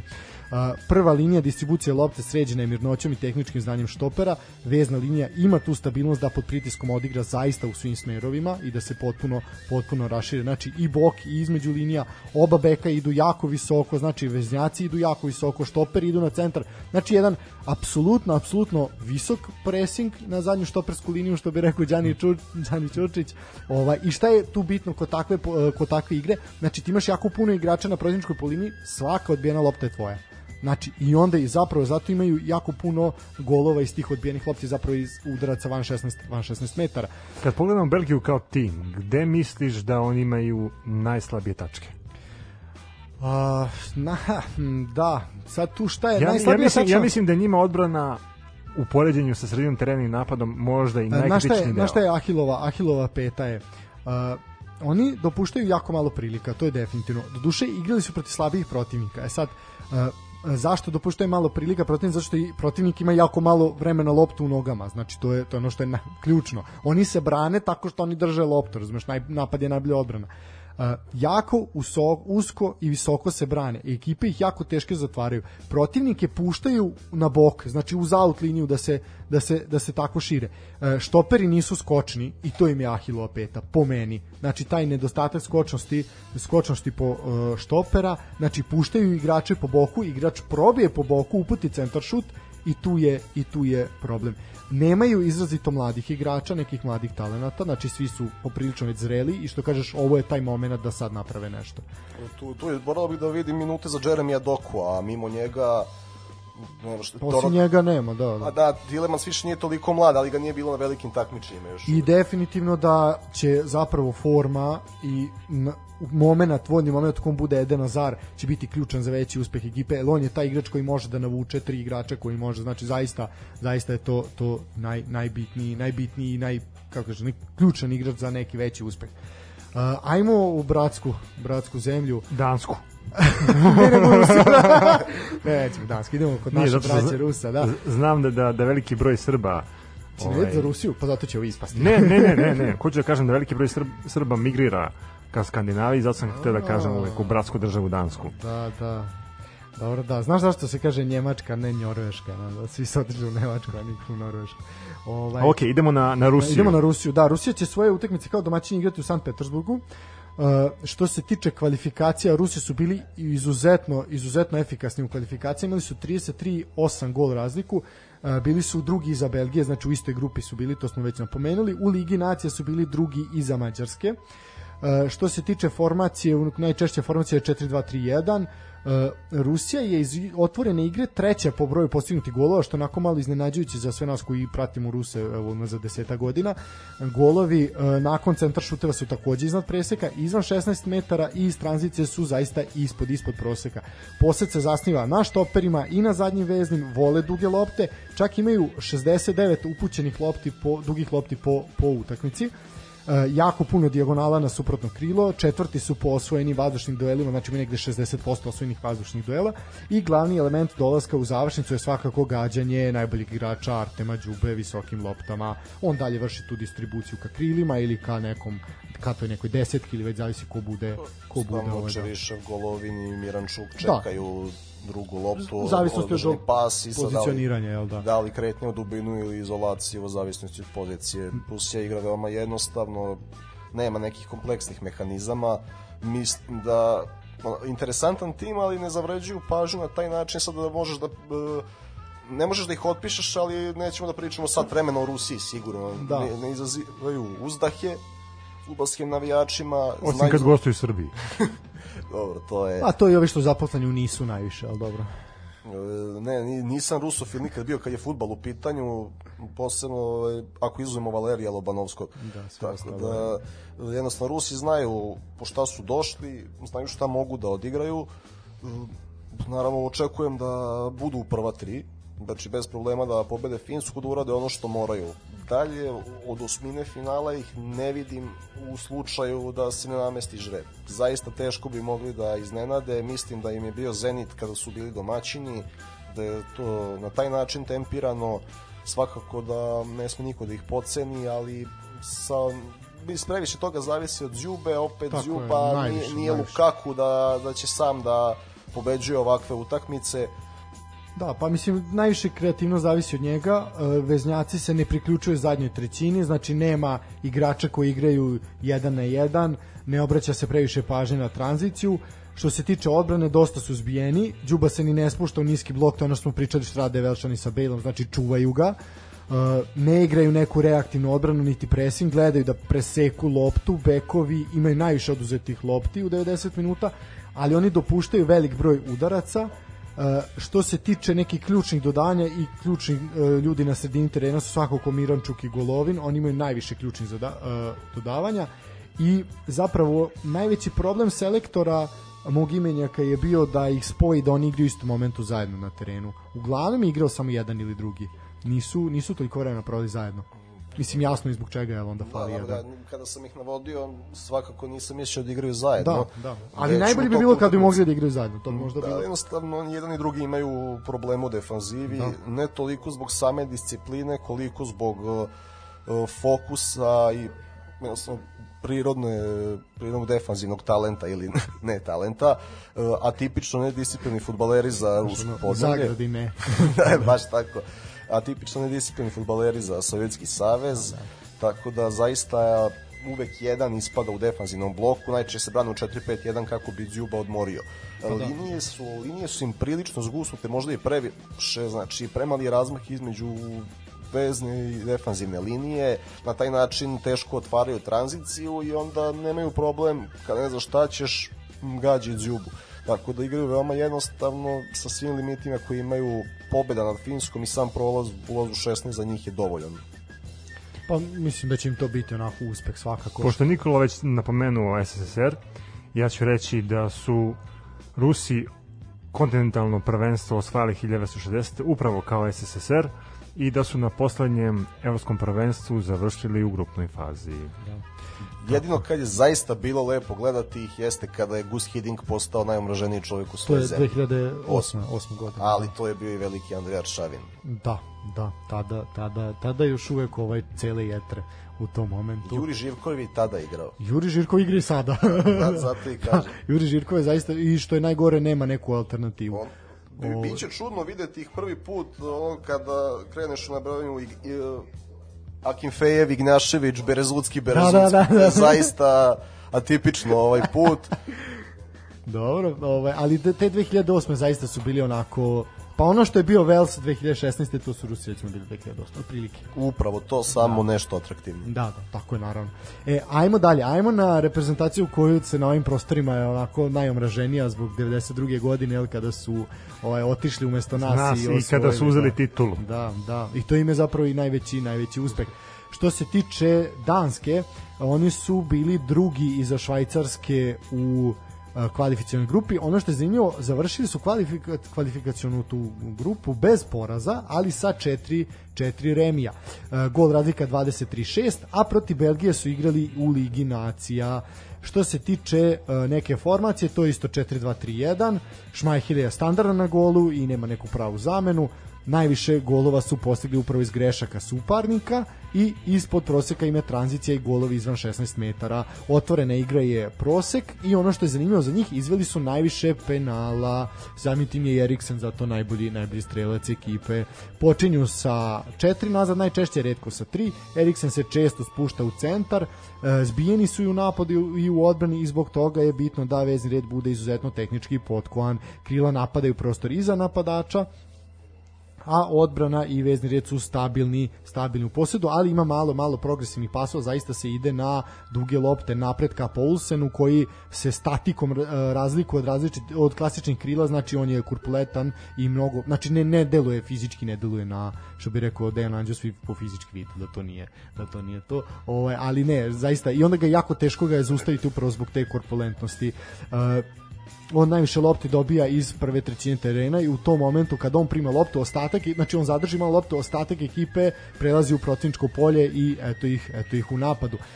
Danska je pokušala najmanje driblinga od svih reprezentacija upravo zbog tog stila igre. Oni igraju jako direktno i ostavljaju se na fizičku snagu i prekide. Svi prekidi završavaju kao ubačaj ka golu, a dobar deo golova iz grešaka je upravo nakon prekršaja nad Poulsenom jer oni pokušaju da ga zaustave, ali je čovek kao od stene odvaljen. Možda ima vamo naših nekih korena sa dinare. Dobro, pa znaš kako ovo je, uh, mislim da je ovo moment za Dansku, pre svega zato što konačno mogu defanzivno da da pariraju elitnim timovima. Sa sezo, znači tu je kapiten Kjera, tu je odlična sezona Westergaarda u Southamptonu, Christensen ponovo rođen pod Thomasom Tuhelom, tako da na taj način uh, mogu da odigraju kvalitetno u srednjem i politikom bloku i istovremeno da jednostavno kada dođe vrućina i kada reaktivni futbol dominira na elitnim takmičenjima u nokaut fazi zaista imaš kada imaš Eriksena imaš pola gola u svakom napadu. E, im, dobro si primetio fali im elitna krila, fali im ljudi koji igraju jedan na jedan koji napadaju dubinu na kvalitetni način, oni to nadomest borbom, o, tako što i kvalitetnim, ne bih rekao presingom, više pametnim oduzimanjem lopte. Tako je, kompaktne, kompaktne su, da, nije biraju, pametno biraju zone u kojima će oduzeti da, da, loptu da, da. i to je ključ. U tom srednjem bloku, odakle Eriksen dijagonala najčešće na Roberta Skova, ili right fighta. Da, samo, samo da se nadovežem, znači to što si rekao, brane se kompaktno u zoni, uh, znači iako stoje nekad jako visoko, ali gotovo nikad ne idu u pressing. Znači postavlja se visoko, ali bez pressinga. Ne, ni pressing, on samo to je zona kako bi protivnik Tako. teže gradio ekip, gradio igru iz zadnje linije, ali na osnovu toga jednostavno ne, nemaš ti tu sa kim ni da igraš pressing. A da, i Posledno ono što, što je... se Eriksen odvikao od toga od rastanka sa početinom. I ono što isto bitno za reći, jako malo startova pokušavaju i među uh, najslabijim su reprezentacijama po broju oduzetih oduzetih lopti, znači zaista nisu aktivni u odbrani, nego čekaju priliku i situaciju da sigurno osvoje, osvoje loptu, a do tada puštaju suparnika da kombinuje iz zadnje linije. Može se reći da je neka disciplina i fizička snaga zapravo najveća, najveća odlika njihova u odbrani. Imaju možda najpocenjeniji par šestica koji igraju iza Eriksena, to su Heiberg i Delaney. Zaista dva momka koja nikako nisu na najviših sceni, čak i kada je Heiberg prešao iz Southamptona, onda se desi u Tottenhamu to što se desi. Mislim da zbog svega što je mu, da on i Mourinho su totalno da uopšte nisu dobar spoj, da će sa, da sa novim trenerom kogod to bio može više da dođe do izražaja, a sa druge strane Delaney koji je žrtva nekih e, Dortmundovih dečjih bolesti, iskusan i pouzdan futbaler, koji je iz Danske lige došao i izdominirao Bundesligom. Tako da Danska može ima kontrolu poseda kada je potrebno, može da se brani i fali opet fali talenta sa krila i brzine kako bi to bio finalni proizvod. No, Dansku ovde stavljam iznad Rusije, mislim da završavaju kao drugi i sigurno idu u knockout fazu i onda čekamo žreb da vidimo šta će da im ponudi. Da. Kad smo kod Danske, Danska je domaćin na ovom evropskom prvenstvu i sve utakmice u svojoj grupi igraće u Kopenhagenu kao domaćin. Tako je, tako je, tako je. Znači zaista to je to je još isto jedna od reprezentacija koja ima tu čast da ne mora ne mora da se gužva po avionima. Ono što je bitno što si rekao, na što bi se ja nadvezao, Hojberg je zaista najbitniji faktor po meni, taktički najbitniji faktor u ekipi. Uh, preko 90% tačnih dodanja i oko prilike 95 do 100 pasova po utakmici, znači zaista je jako bitan, bitan za igru. Bitan gotovo podjednako kao i Eriksen koja je prva zvezda tima. Šta, Hojberg je Žoržinjo za na, za, Skandinaviju. Za Skandinaviju, tako je malo nivo ispod, ali nije bez razloga bio u Guardiolinom Bayernu. Da, tako je, tako je. Uh, ajmo na, na Finsku. Uh, Finska je onako pa debitant, znači to je mislim drugi debitant na na evropskim prvenstvima pored pored ovaj bivše Jugoslovenske Republike Makedonije na o neću namerno reći ovako kako ne treba. E sad, znači što se tiče Finske, Finska je završila grupu kao druga iza Italije. u Ligi nacija su bili drugi iza Velsa, gol razlika u kvalifikacijama bila 16-10, iza Velsa su imali gol razliku 7-5, igraju u 4-4-2 formaciji, u Ligi nacija su malo pokušavali i sa trojicom trojicom nazad. Golovi iz tranzicije su im zaista iznad proseka, kao i greške suparnika, a otvorena igra ispod proseka, golovi iz centar šuta i, i izvan 16 metara gotovo da ne postoje znači na nivou statističke greške. E, igraju pressing, ne preskaču igru, bekovi dolaze u završnicu napada, sarađuju sa krilima, napadači sa te strane gde e, napadač sa te strane gde je lopta, znači ako je lopta sa leve strane odlači u dubinu protivnika štopera jednog ili dva i otvara prostor za drugog napadača sa kontra strane da utrči i ulazi završnicu sa desetkom. To rade sa obe strane. Glenn Kamara je igrač sa ubedljivo najviše dodavanja i ključan je faktor na toj sredini terena. U trouglu rešavaju sve probleme protivničkog presinga. Napadači su prilično dobri igri bez lopte, to smo jako rekli u tom među prostoru se odlično odlično kreću i jako puno sarađuju sa bočnim igračima. A centralni vezni jako važnu ulogu imaju i odbrani, a jer štoperi stoje u širini kazanog prostora, ne previše usko, ne previše ni široko, da bi bekovi mogli brzo dodo visoko, zato im je potrebna mala pomoć iz veznog reda. Oni su četvrti po broju oduzetih lopti, a bočni štoperi su pokreti u među prostoru i tu zaustavljaju protivnika. Ja ću još kratko reći, pa ću onda uzeti da srknem jedan gutjaj. Drže se u zoni, zgusnuti, dopuštaju puno centar šuteva, ali ne primaju puno golova jer su dobri skakači. Nikola, imaš reč, ja se malo povlačim sad. Pa, eto, to je jedna od reprezentacija koja vratno ne bismo gledali da je ostalo 16 ekipa iskreno ne očekujem mnogo od njih imamo jednu novu finsku finsku koja je koja više ne čeka šta će da uradi Jarl Litmanen i dugo su se dugo su se tražili bez njega zaista lepo je vidjeti da su oživeli mislim da se ne radi o netalentovanoj futbolskoj naciji jednostavno treba im vremena rade neke nove stvari u akademijama, ne tom brzinom kao šveđani i norvežani, ali trude se da ne zaostaju za modernim futbolom. Mislim da će biti zanimljiv za gledanje. Za gledanje da, ali pitanje koliko mogu da drže nulu. Ne, okej, okay, da, da, to... da, da, ali mislim neće, oni će igrati fudbal. To će biti biti lepo za oko. Zato što im je to jedina opcija. Pa, pa naravno, da. Da se da se nadaju da će Hradecki da se razbrani i u nekom rikošetu da dođu do određenih bodova. Svakako I da Puki zapleše. Bro, Puki ako ako dobije Vama, vama je Puki favorit, al meni je favorit njihov trener uh, Mark uh, Konvervu, 57-godišnji finski trener koji je imao jako čudnu putanju do njihove nacionalne reprezentacije. Prvo je šest godina bio selektor mlade reprezentacije, potom je bio pomoćnik u A timu i onda je 2016. postao prvi selektor. Znači čovek koji kada radite toliko godina u Savezu, logično je da poznajete bazu igrača. Znaš, postoji negde nešto što se zove sistem rada u Savezu. To u Srbiji još nije izmišljeno, a možda će nekad biti eventualno, naš možda... Kod nas postoji neki drugi sistem. Da, sistem postoji, ali ne u Savezu da, da tome da se radi na na kadrovima i sve na što je Zato što Skandinavci imaju drugačije posmatranje fudbala. Jednostavno... Ne, ja mislim da oni imaju da mraz. A Finci mu sigurno. oni, ne, oni kod njih jednostavno nezamislivo da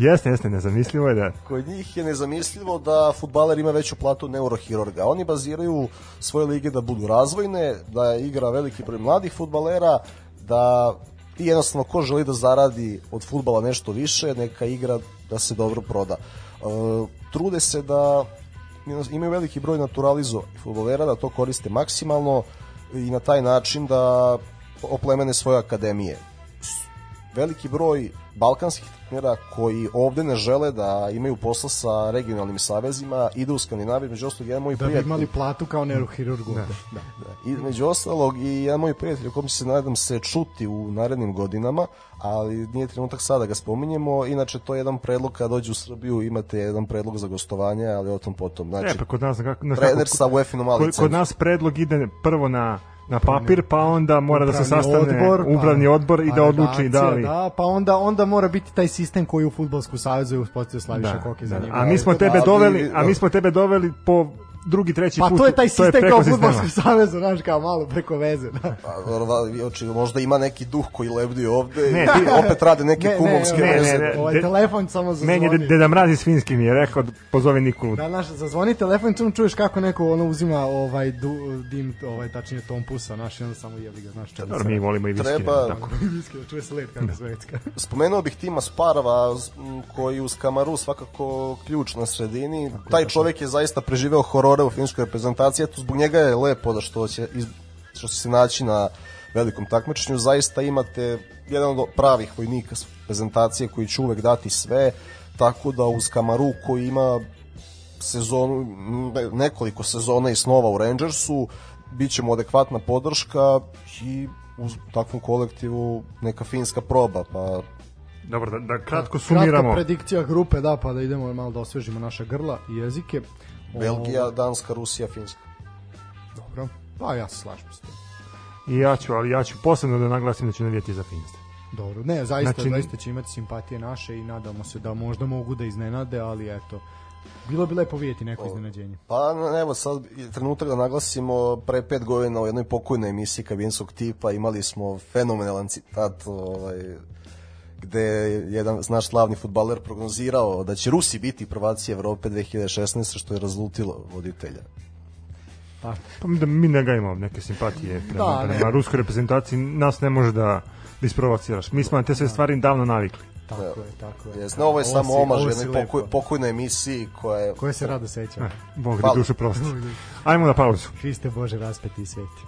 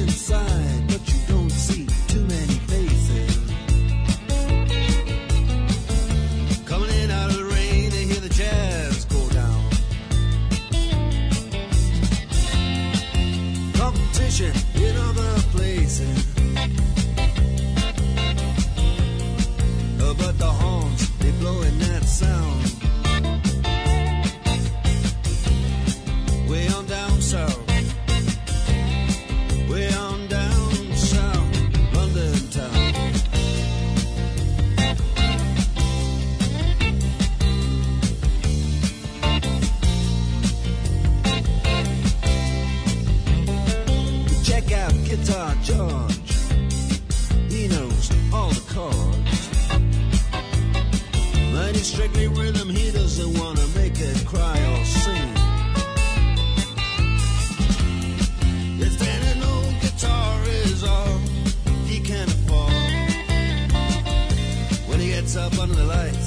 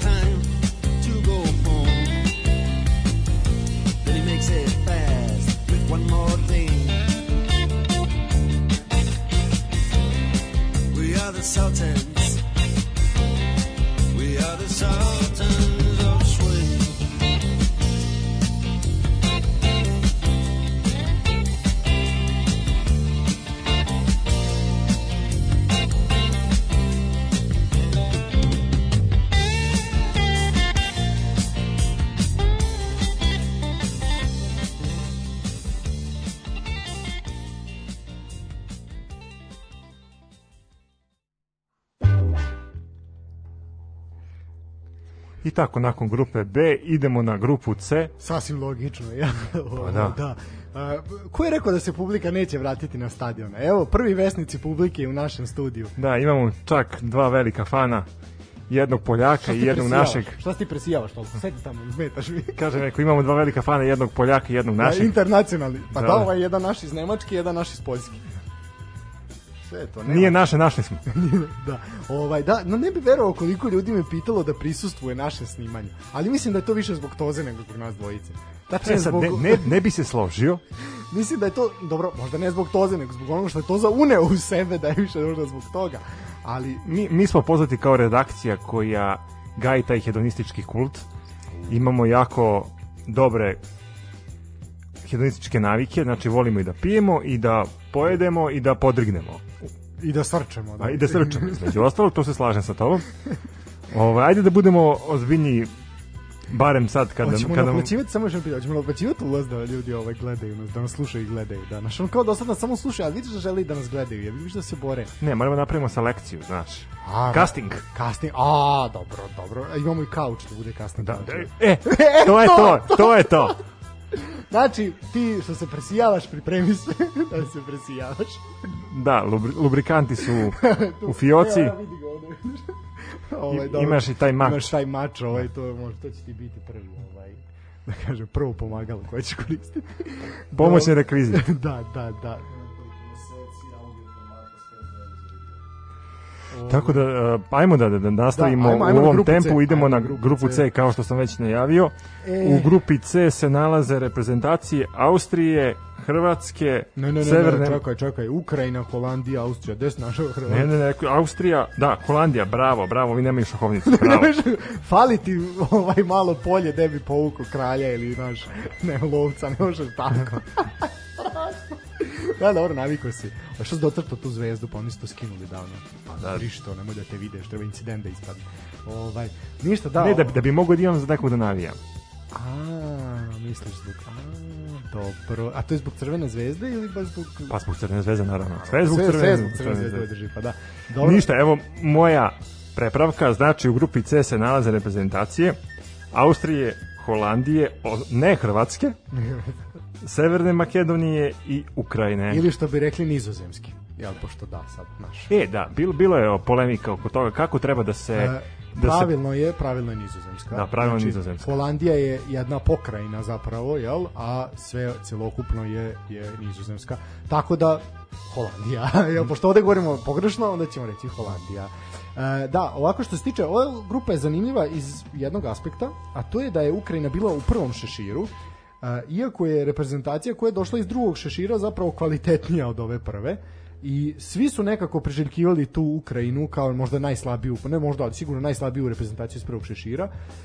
Ukrajina, neka projekcija da Ukrajina završi na 12. mestu, Holandija na 5. Austrija na 18. a Makedoniji se predviđa ubedljivo poslednje mesto 24. Uh, ovo je po nekom rangiranju najslabija grupa na evropskom prvenstvu. Što se tiče Ukrajinaca, kao reprezentacije iz tog prvog pota, što bi rekli, ali ne Stefana Pota, nego Šešira. E, Ukrajina je završila kao prva u grupi kvalifikacionoj bez poraza, sa gol razlikom 17-4.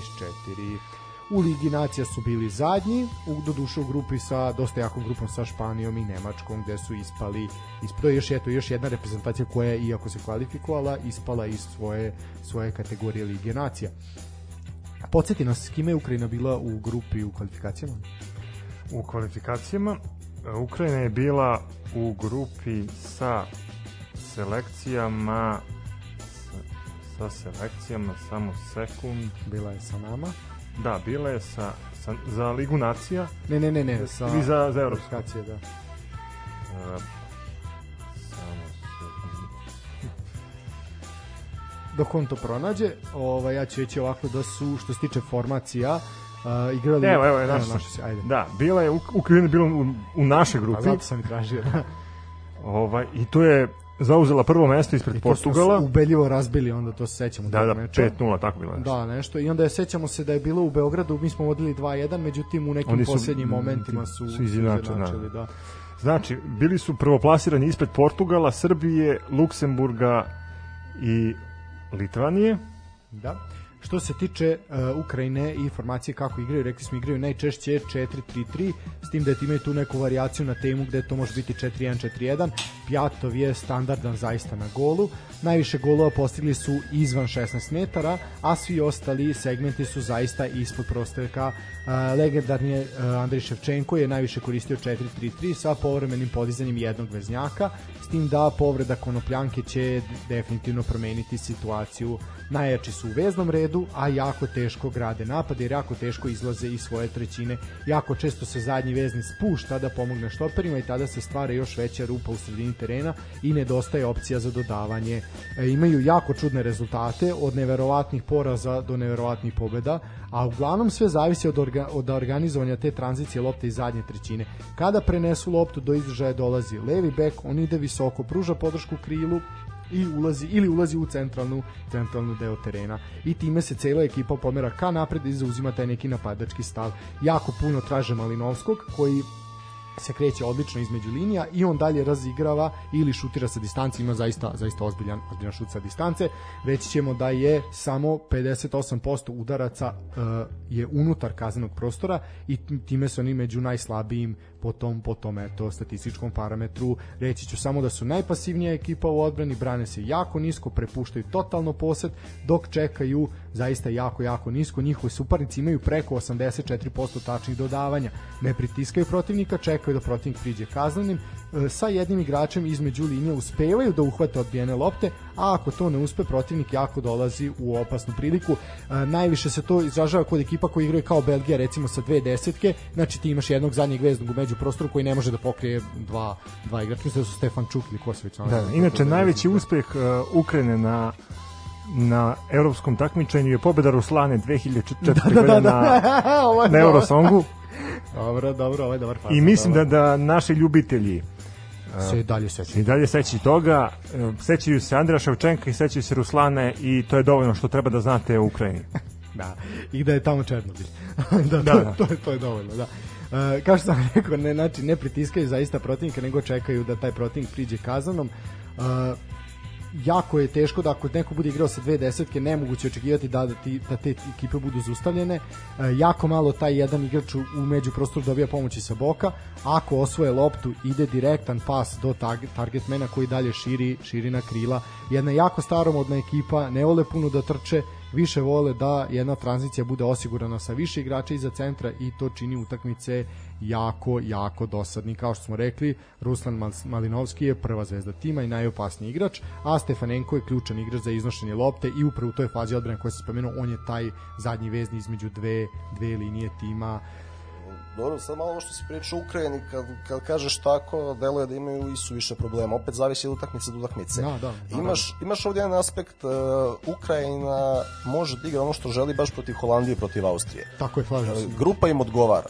I svi problemi koji se navi jesu tačni za određene utakmice, ali njima grupa odgovara, posebno bez Van Dajka, a znamo iz stil igra Austrije, ne vidim ovo, ovo je grupa gde će biti golova realno prvo koliko će Makedonija moći da se sačuva na ovakvom takmičenju, drugo što i Ukrajina i Holandija i Austrija žele gol više. E, tako da, znači mislim da ovo Ukrajina odgovara, sigurno ih vidimo prva tri, zaista mislim da je ovo trenutak za igrače poput Cigankova da iskoče na veliku scenu. Imali su zaista veliku krizu u ligi obzirom na geopolitička dešavanja i mislim da je ovo dobar moment da neki momci pređu u zapadnu Evropu ali ne kao Belodedis da preplivaju na plinskoj boci, nego da nego da to urade legalnim putem. legalnim legalnim putevima.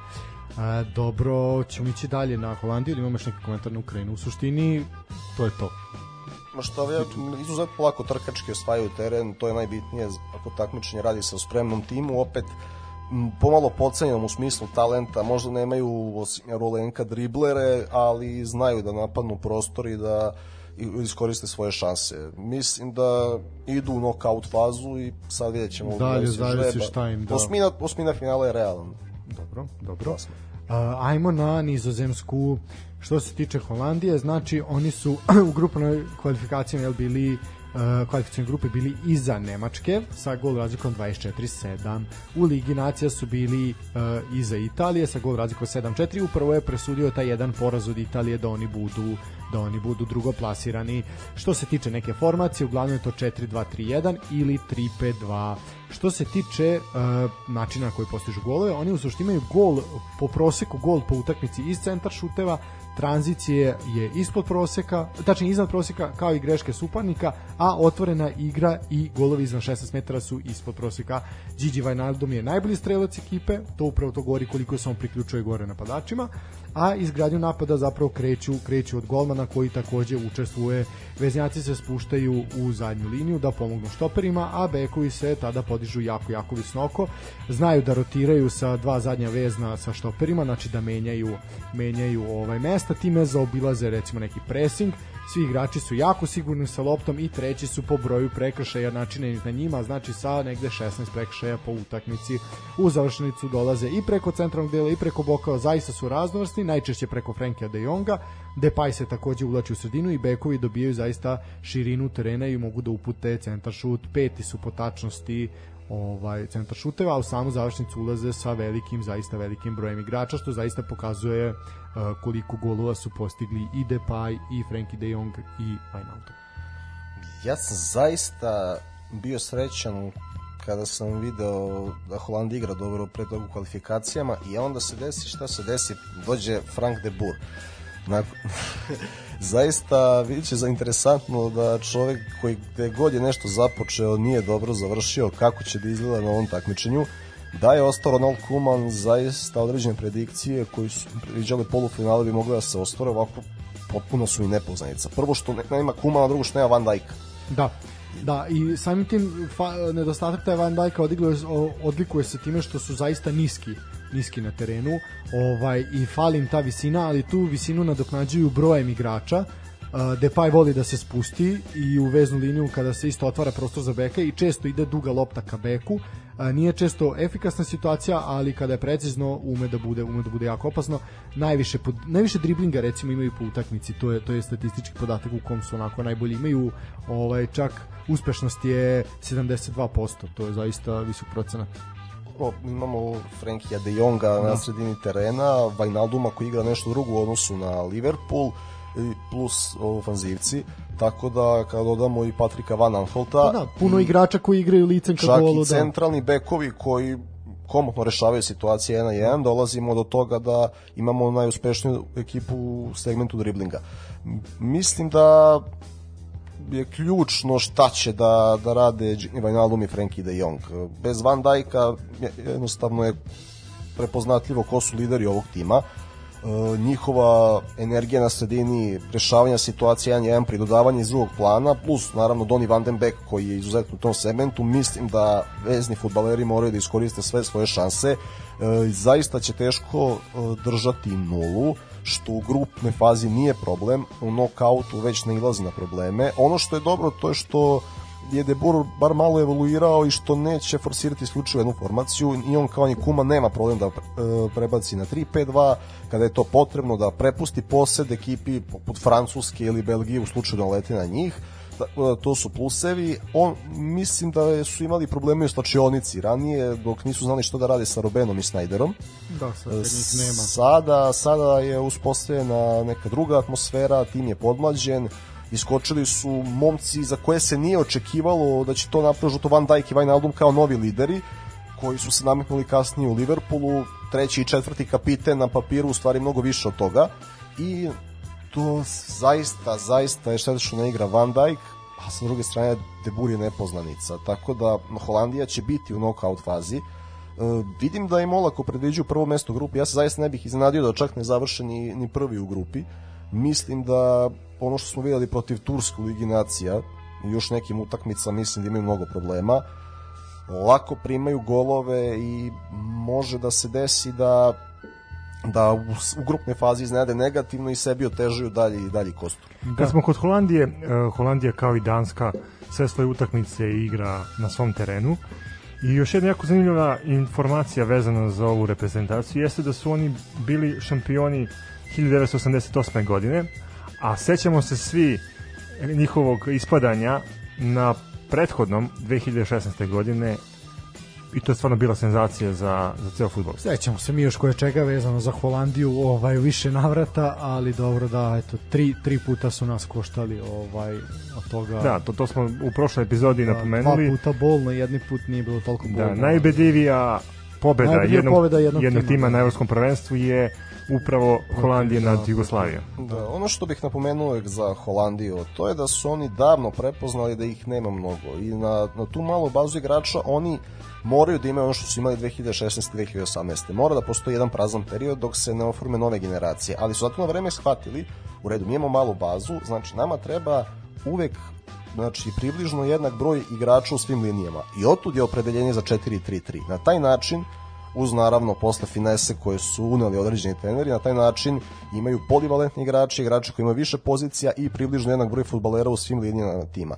Tako nadomeste to što ih nema mnogo i ok, mora da se nađe četiri prazne godine u svakom svakom veku. Pa, na svaki 20 20 prazne Na svaki godine, 20 ide četiri da. ide četiri prazne, ali posle opet oforme talentovanu generaciju koja će sad i, opet dugi niz godina da biti biti. biti. Sigurno će njihovi fudbaleri osvajati velike trofeje sa klubovima i sad je pitanje da li da li mogu da urade, mislim da ne mogu sada da osvoje takmičenje, da li mogu da urade nešto više u Kataru ili u nekom narednom periodu. Da, e, ajde samo što se tiče odbrane, znači U odbrani stoje 4-1-4-1, igrač između linija markira playmakera, ekipa se zaista drži zonski, ne igraju pressing ni kada su visoko a, izađu na suparnika. Osetljivi su, znači i to im je slaba tačka, kada u vezdi ostane klasen sam jer je sporiji.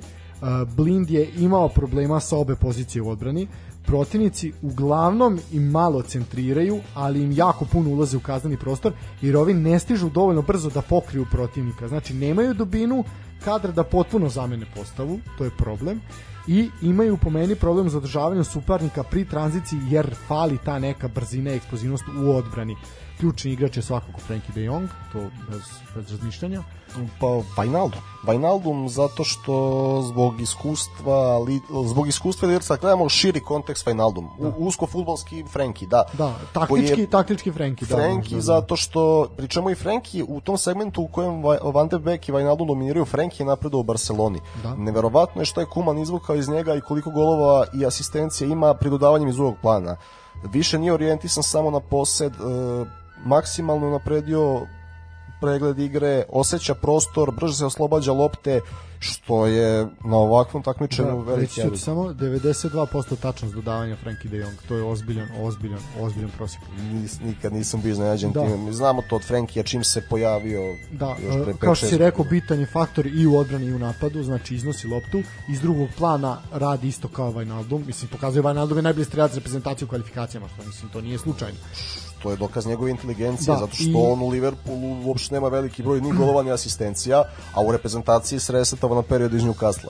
Da, što se tiče, ja bih još istekao i Memphisa Depaja, Uh, definitivno donosi dosta prevagi na terenu, možda se reći možda i najviše, uh, jer ima i velik broj golova i velik broj asistencija i ključnih dodanja, znači 8 golova, 8 asistencija i ima otprilike 3,5 ključnih dodavanja i 3,5 udaraca ka golu i zaista je Holandija ako kad zbirno pogledamo dobar spoj neke mladosti i iskustva.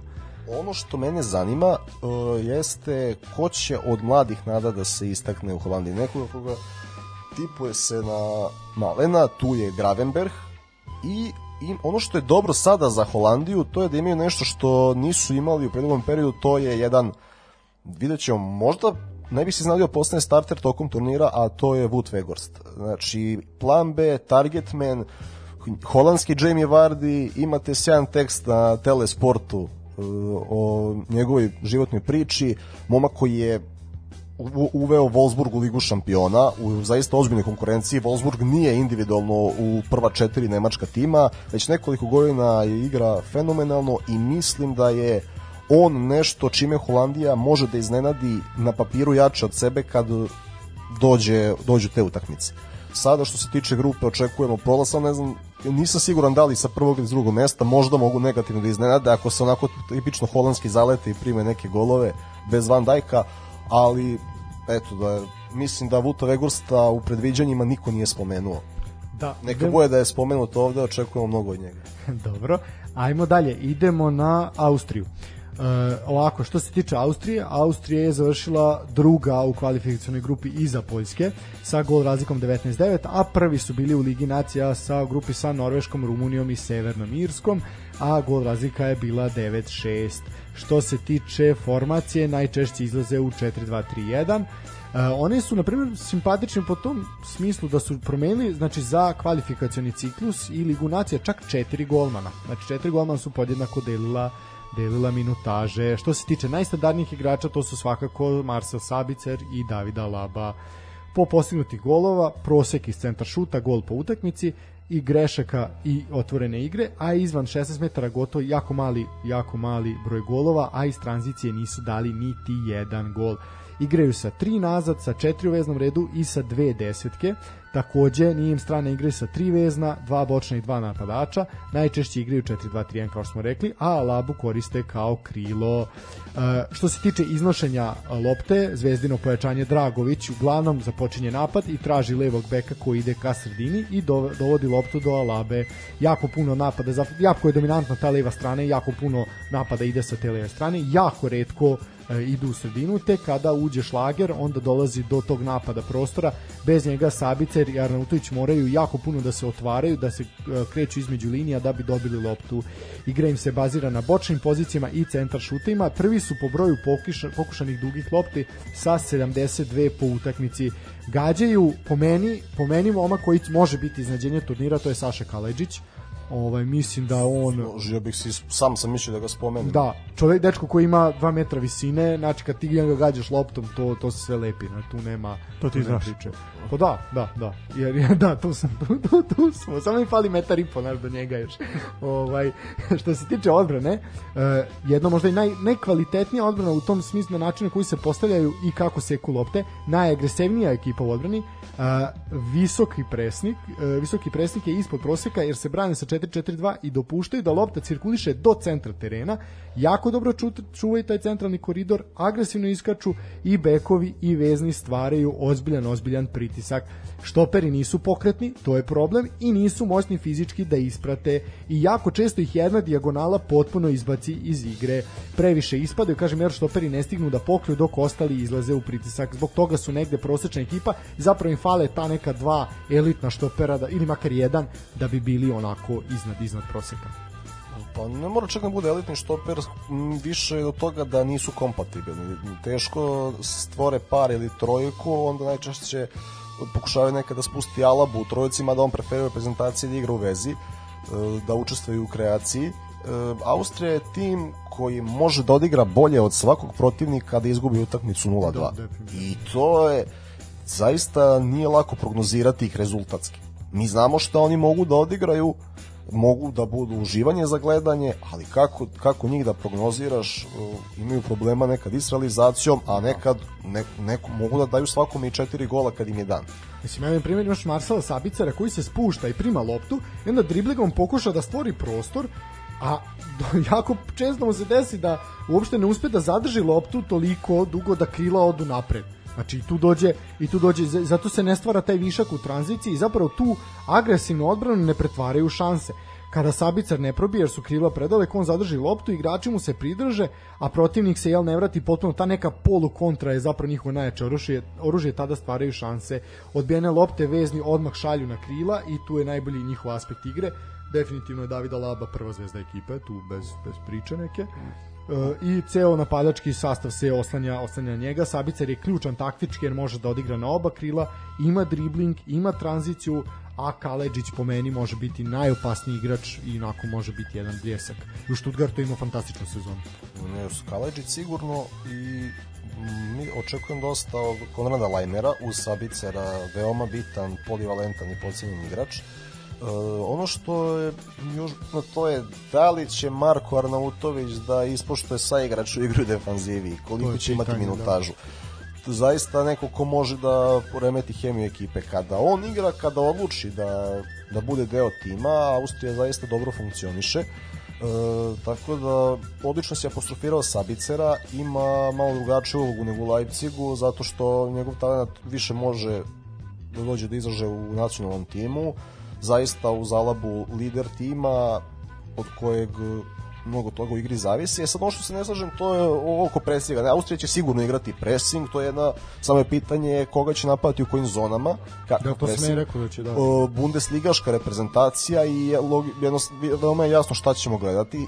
Oni imaju infrastrukturu, imaju ekonomiju, imaju sistem od Austrije, možemo mnogo više očekivati u narednoj deceniji, naredne dve decenije, zato što rade postepeno, dobro, nema bljeskova, Mm -hmm. ne toliko ni u klubskom futbalu, ni u reprezentaciji, ali polako tu u Salzburg dolazi Lask, dolazi Wolfsberger, e, još neki timovi, Rapid, standardno neki neka da tradicija. Nemanja Ranić 10 godina mlađi, Wolfsberger i kidao, kidao, ali dobro. Tako da od Austrije očekujem dobar fudbal za gledanje, za neutralne, za ljude koji ima fudbal nije, za ljude koji ima fudbal zaista sporena stvar, Austrija će biti ovako puštajuća uz pivo i vrućinu. Definitivno, definitivno će biti zanimljiv za gledanje. Biće u prva tri, ne znam na kojoj poziciji, očekujem ih barem ispred Makedonije i onda neka gledaju dalje kalkulacije. Tako Pa to je u suštini to, da. Da, idemo na najslađi deo, mislim. Evo, večeras, nama, nama evo. najdraži, nama najdraži, idemo na bivšu Jugoslavensku republiku Makedoniju ili što bi neki iz ovog studija rekli Saveznu republiku Makedoniju. ovaj Pa što se tiče... Sve su to srpske zemlje. Dobro, Vojo, Šešelju izaći napolje. Sad kad se tu u klembesi da ga budemo iznosili. Ovaj, ništa, što se tiče Makedonija, oni su jedna od redkih reprezentacija koja se kvalifikovala sa negativnom gol razlikom. Bili su treći u kvalifikacijnoj grupi iza Poljske i Austrije, a u Ligi nacije su bili drugi iza Jermenije i oni su zapravo sa gol razlikom 9-8, oni su preko tih ovaj kasnijih play-offa zapravo jel došli do došli do uh, evropskog prvenstva. Što se tiče formacije koju igraju naša južna braća, to je 3-5-2, Stole Dimitrijevski je bio standardan i nema rezervu kao golman. Što se tiče igre Makedonije, oni su definitivno outsideri na ovom prvenstvu, ali će biti onako jako, jako lepo i onako srcu drago gledati ih. Oni nisu pretarano efikasna ekipa, golovi izvan 16 metara ne postoje, golovi iz otvorene igre ne postoje, iznad proseka su eventualno u tranziciji zato što čekaju tu neku kontru i greškama suparnika, centar šut im je debelo ispod proseka. Protiv ekipa koji igraju pressing jako teško izlaze sa svoje polovine i onda dugim loptama gađaju svoje igrače nisu sposobni da iznesu loptu na uređen način u takvom sistemu četiri igrača uglavnom grade napad s tim da je tu po meni ključan Ristovski, znači back Dinama koji se spušta na štopera, dok Boban Nikolov ide visoko. E, oni su pretposlednja ekipa na prvenstvu sa posjedom lopte, znači 44% posjeda, što je zaista, zaista slabo. Sam mislio ovo Nikolova Makedonac, nije Bugarin. A, sad imaš zle jezike koji se reći da svi makedonci bugari. Da, da nije makedonski bebeto. da, da, da. Moguće, moguće, ovo se lepo primeti. A, Moguće. moguće, da, još uvijek. Pokazat će nešto sigurno na, na ovom evropskom A, prvenstvu. Boban, ovaj, dobro. Druže Bobane. Druže Bobane. E, Kad izađu sa svoje polovine, zaista idu preko boka i velik broj igrača se skuplja na jednom mestu, jer nisu pretarani tehničari da mogu sami da iznesu i da donesu prevagu u prostoru. I u tom momentu često ostaje slobodna druga strana terena. Znači uvijek ćete primetiti u igri da im je kontra krilo ili kontra bek slobodan i sam kao duh, ali oni nemaju taj kvalitet za takvu distribuciju, znači tom dijagonalom na kontra stranu. E, najslabiji su po procentima, znači i po broju udaraca na gol i tačnosti dodavanja. Goran Pandev je apsolutno legenda, legenda reprezentacije, on je definitivno najključniji igrač za neku kreaciju, kreaciju napada. Najviše zavise od tranzicije, ali Oski je ključan u toj fazi tranzicije, jer on je možda jedini brzi igrač koji može da koristi slobodan prostor. Uh, Elmas je verovatno najbolji dribler u ekipi, on će sa toj strane gde je Alijovski pokušati nešto da uradi, sad koliko će to oni moći, to je zaista pitanje. I Ariana Demi iz drugog plana. E, Evo, Arijana Demi je da ključan, ključan igrač za tu, za tu, za tu veznu liniju. Ovaj, on će, pa Demi će igrati ono što igraju u Dinamu, znači on će se priključivati iz drugog plana, plana napadačima. S tim da, na Mo- primjer, mora da mora će da dominira u osvajanju lopti ako Makedonija misli nešto. to je ono što da radi, to je ono što radi da i u Dinamu. E sad, Dobro, vi baš mislite da će Makedonci uspeti da nekome da uzmu loptu? e, pa hoće. Hoće. Da, da će u utakmici O. imati veći posed od protivnika? Neće imati veći posed. Pa, Neće to, veći posed. ali Ali će uzeti Pa loptu. dobro, uzet će loptu naravno. Pa, makar kad ih bude izvodili out, će biti njegova lopta. Ili gol out. Pa da, da, da. imaju sreće da su u grupi gde nijedan tim nema beton odbranu. Sve tri ekipe teško čuvaju nulu, tako da mak- makedonsko predeljenje je jasno, oni će stati iza lopte, pokušat će da budu vojska. Najvažnije im je da slačionicu i tu će biti onih ratničkih startova sa gol linije do iznemoglosti će pokušati da, da čuvaju svoj gol. Zaista je bio lep trenutak kada ih je Goran Pandev odveo na Da, ovo pogotovo što je on postigao pogodak, da, to je Zato još što, simbolika. Da. Pa, da li smo, koliko smo utakmica gledali Gorana Pandeva od 2010. finala Lige šampiona i da to uradi, evo, da je posle 11 godina i dalje tu i dalje sa nama, pre toga nas je uveseljavao u Laciju sa Tomazom Rokijem tandemu i ne znam, čak je bilo priče da Ivici Liv želeo da ga vede u Partizan kada se potpuno raspao, pa kao ajde da probao, međutim Goran se nije raspao i dalje je tu i dalje je sa nama i eto, ja ću navijati u sve tri utakmice za Makedoniju, Apsolutno, apsolutno. a sad da li mogu mnogo, verovatno ne, voleo bih eto da, da se ne obrukaju, mada mislim da ne, zapravo Ja mislim da se neće, neće neće, obrukati, a reći ću vam i zašto. Oni su sad imali prošle nedelje dve prijateljske utakmice, jednu su imali protiv Kazahstana, a drugu su imali protiv uh, Slovenije. Sa Slovencima su igrali 1-1, Kazahstan su dobili 4-0. Opa. Pali se mašina. Pa, na mašinata se pali. Strašno. da, oni igraju utakmicu u Bukureštu, je tako? Tako je. Da, pa dobro, vidi, Neće nezgodna, nezgodna ekskurzija kroz našu državu će biti, da, tu će vidimo ko će gde završiti. Što se tiče, uh, najveća prednost igre Makedonije, ajde da je sad i njima, iz, iako imamo tu, kažem, neku emociju prema njima, uh, da ih pristupimo i sa njima, i njima kao i svima ostalima. Po meni je tranzicija sa velikim brojem igrača, to im je najbolja karakteristika. Brane sezonski, jako aktivno reaguje na igrača, to je to što si rekao, ti pogibeni ratnički startovi će biti prisutni i zbog toga će pokupiti ovacije nas mesara. E, drugi su po broju napravljenih prekršaja i svi igrači jako dobro prate zonu. To je to što si rekao, znači bit će vojska na terenu. Ne, imaju dobro povratno trčanje. Znači, ne to, toliko tranzicije iz defanzive u ofanzivu koliko obrnuto. E, mo, morat će zaista pozicijni napadi protivnika da funkcionišu i uigrani mehanizmi kako bi postigli gol protiv Makedonije. Ne bih se iznenadio da Makedonija verovatno će završiti na posljednjem mestu u ovoj grupi, ali ne bih se iznenadio nekome nekim nerešenim rezultatom pokvare planove u smislu da- daljih računica i kalkulacija neki da, da, da. pa da jednostavno da pošalju ne znam Holandiju na nekoga na koga Holandija ne želi da ide već u osmini finala i takve stvari. A posle, poslednju utakmicu Makedonija upravo igra u Amsterdamu. A, Eto, vidiš, kakva svašta može da se ekskurzija. Inače, kad smo kod matur- Makedonije, a, u slučaju da hoćete da se kladite da će oni osvojiti euro, kvota je 500, znači na uloženih... 501. Dobro, 501, izvini. Sa crtom. Ovaj, na uloženih 1000 dinara vi dobijete skoro pola miliona. Znaš ti šta je to?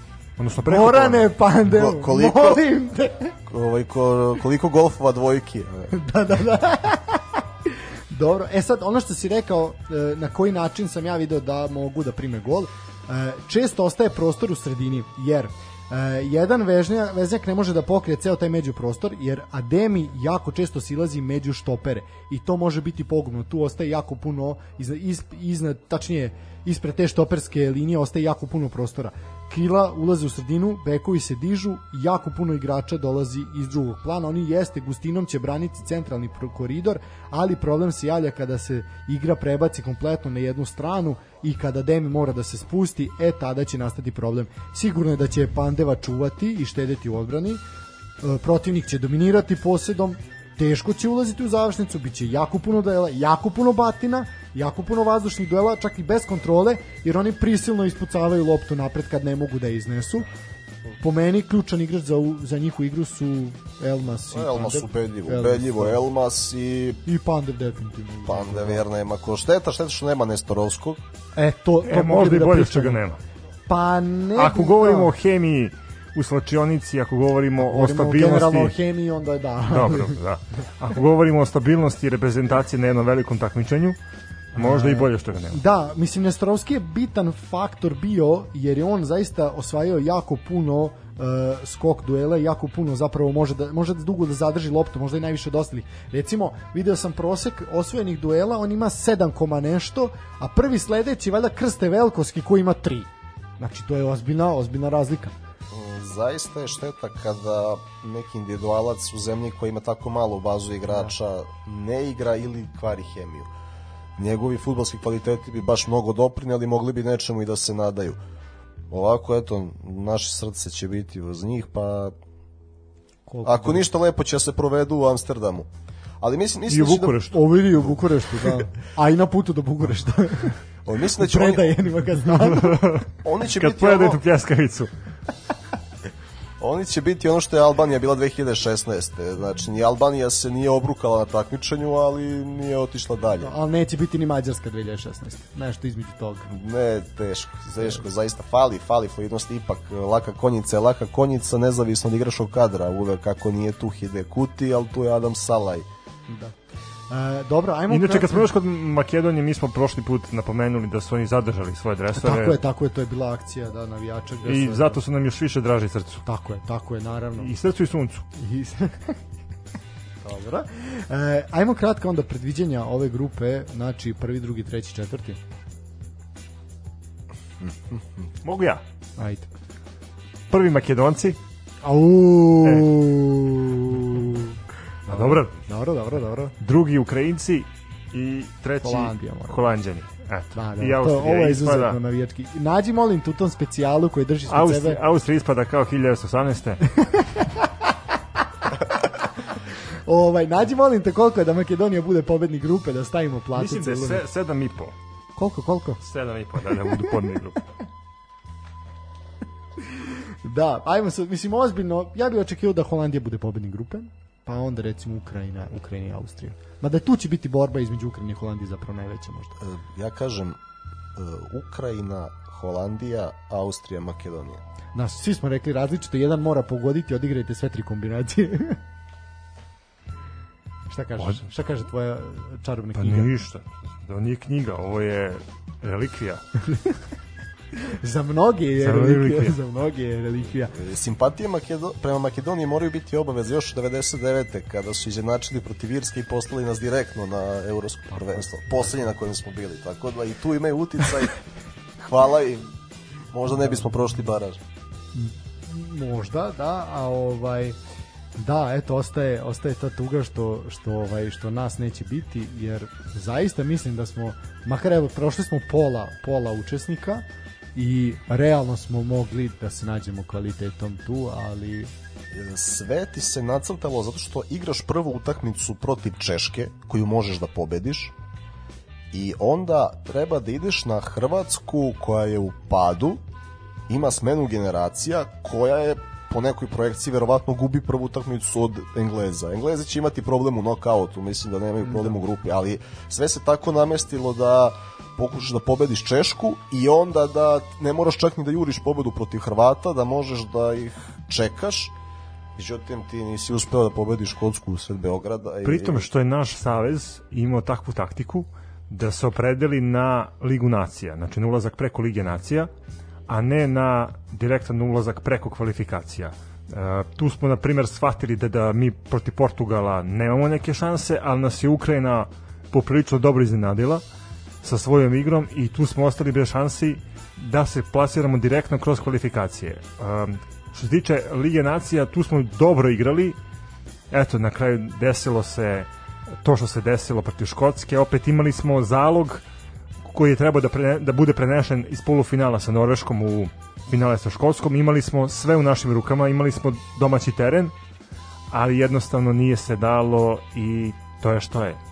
Možda nam se to vrati u budućnosti, možda u Katru, možda nekom drugom evropskom prvenstvu, ali stvarno ispuštena je jedna velika prilika da se nađemo posle 20 godina na, na evropskoj smotri futbola.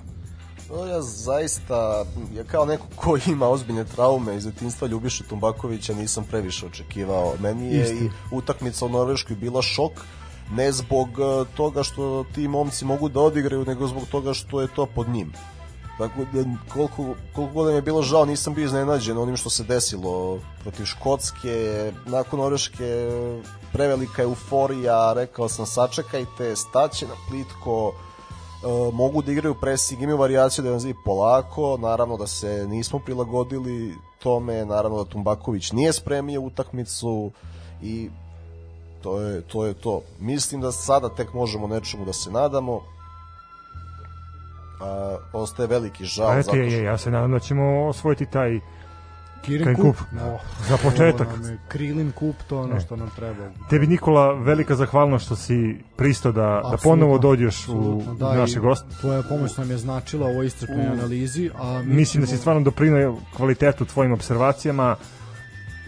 Pa čak, nažalost, zbog nekih privatnih dešavanja i nisam ispratio reprezentacije koliko klubove. Želeo sam i više da vam pomognem, ali sam zaista zahvalan na pozivu, rado ću se odazvati sledeći put tokom šampionata. Mislim da sada ćemo moći sve to lepo da ispratimo i onda idemo grupu po grupu, utakmicu po utakmicu. Mislim da će slušalci biti zaista zadovoljni. Što se tiče Kirin Kupa, ja bih bio zadovoljan da bi to bio prvi trofej od odlaska Tomislava Karadžića sa čela Saveza. Da.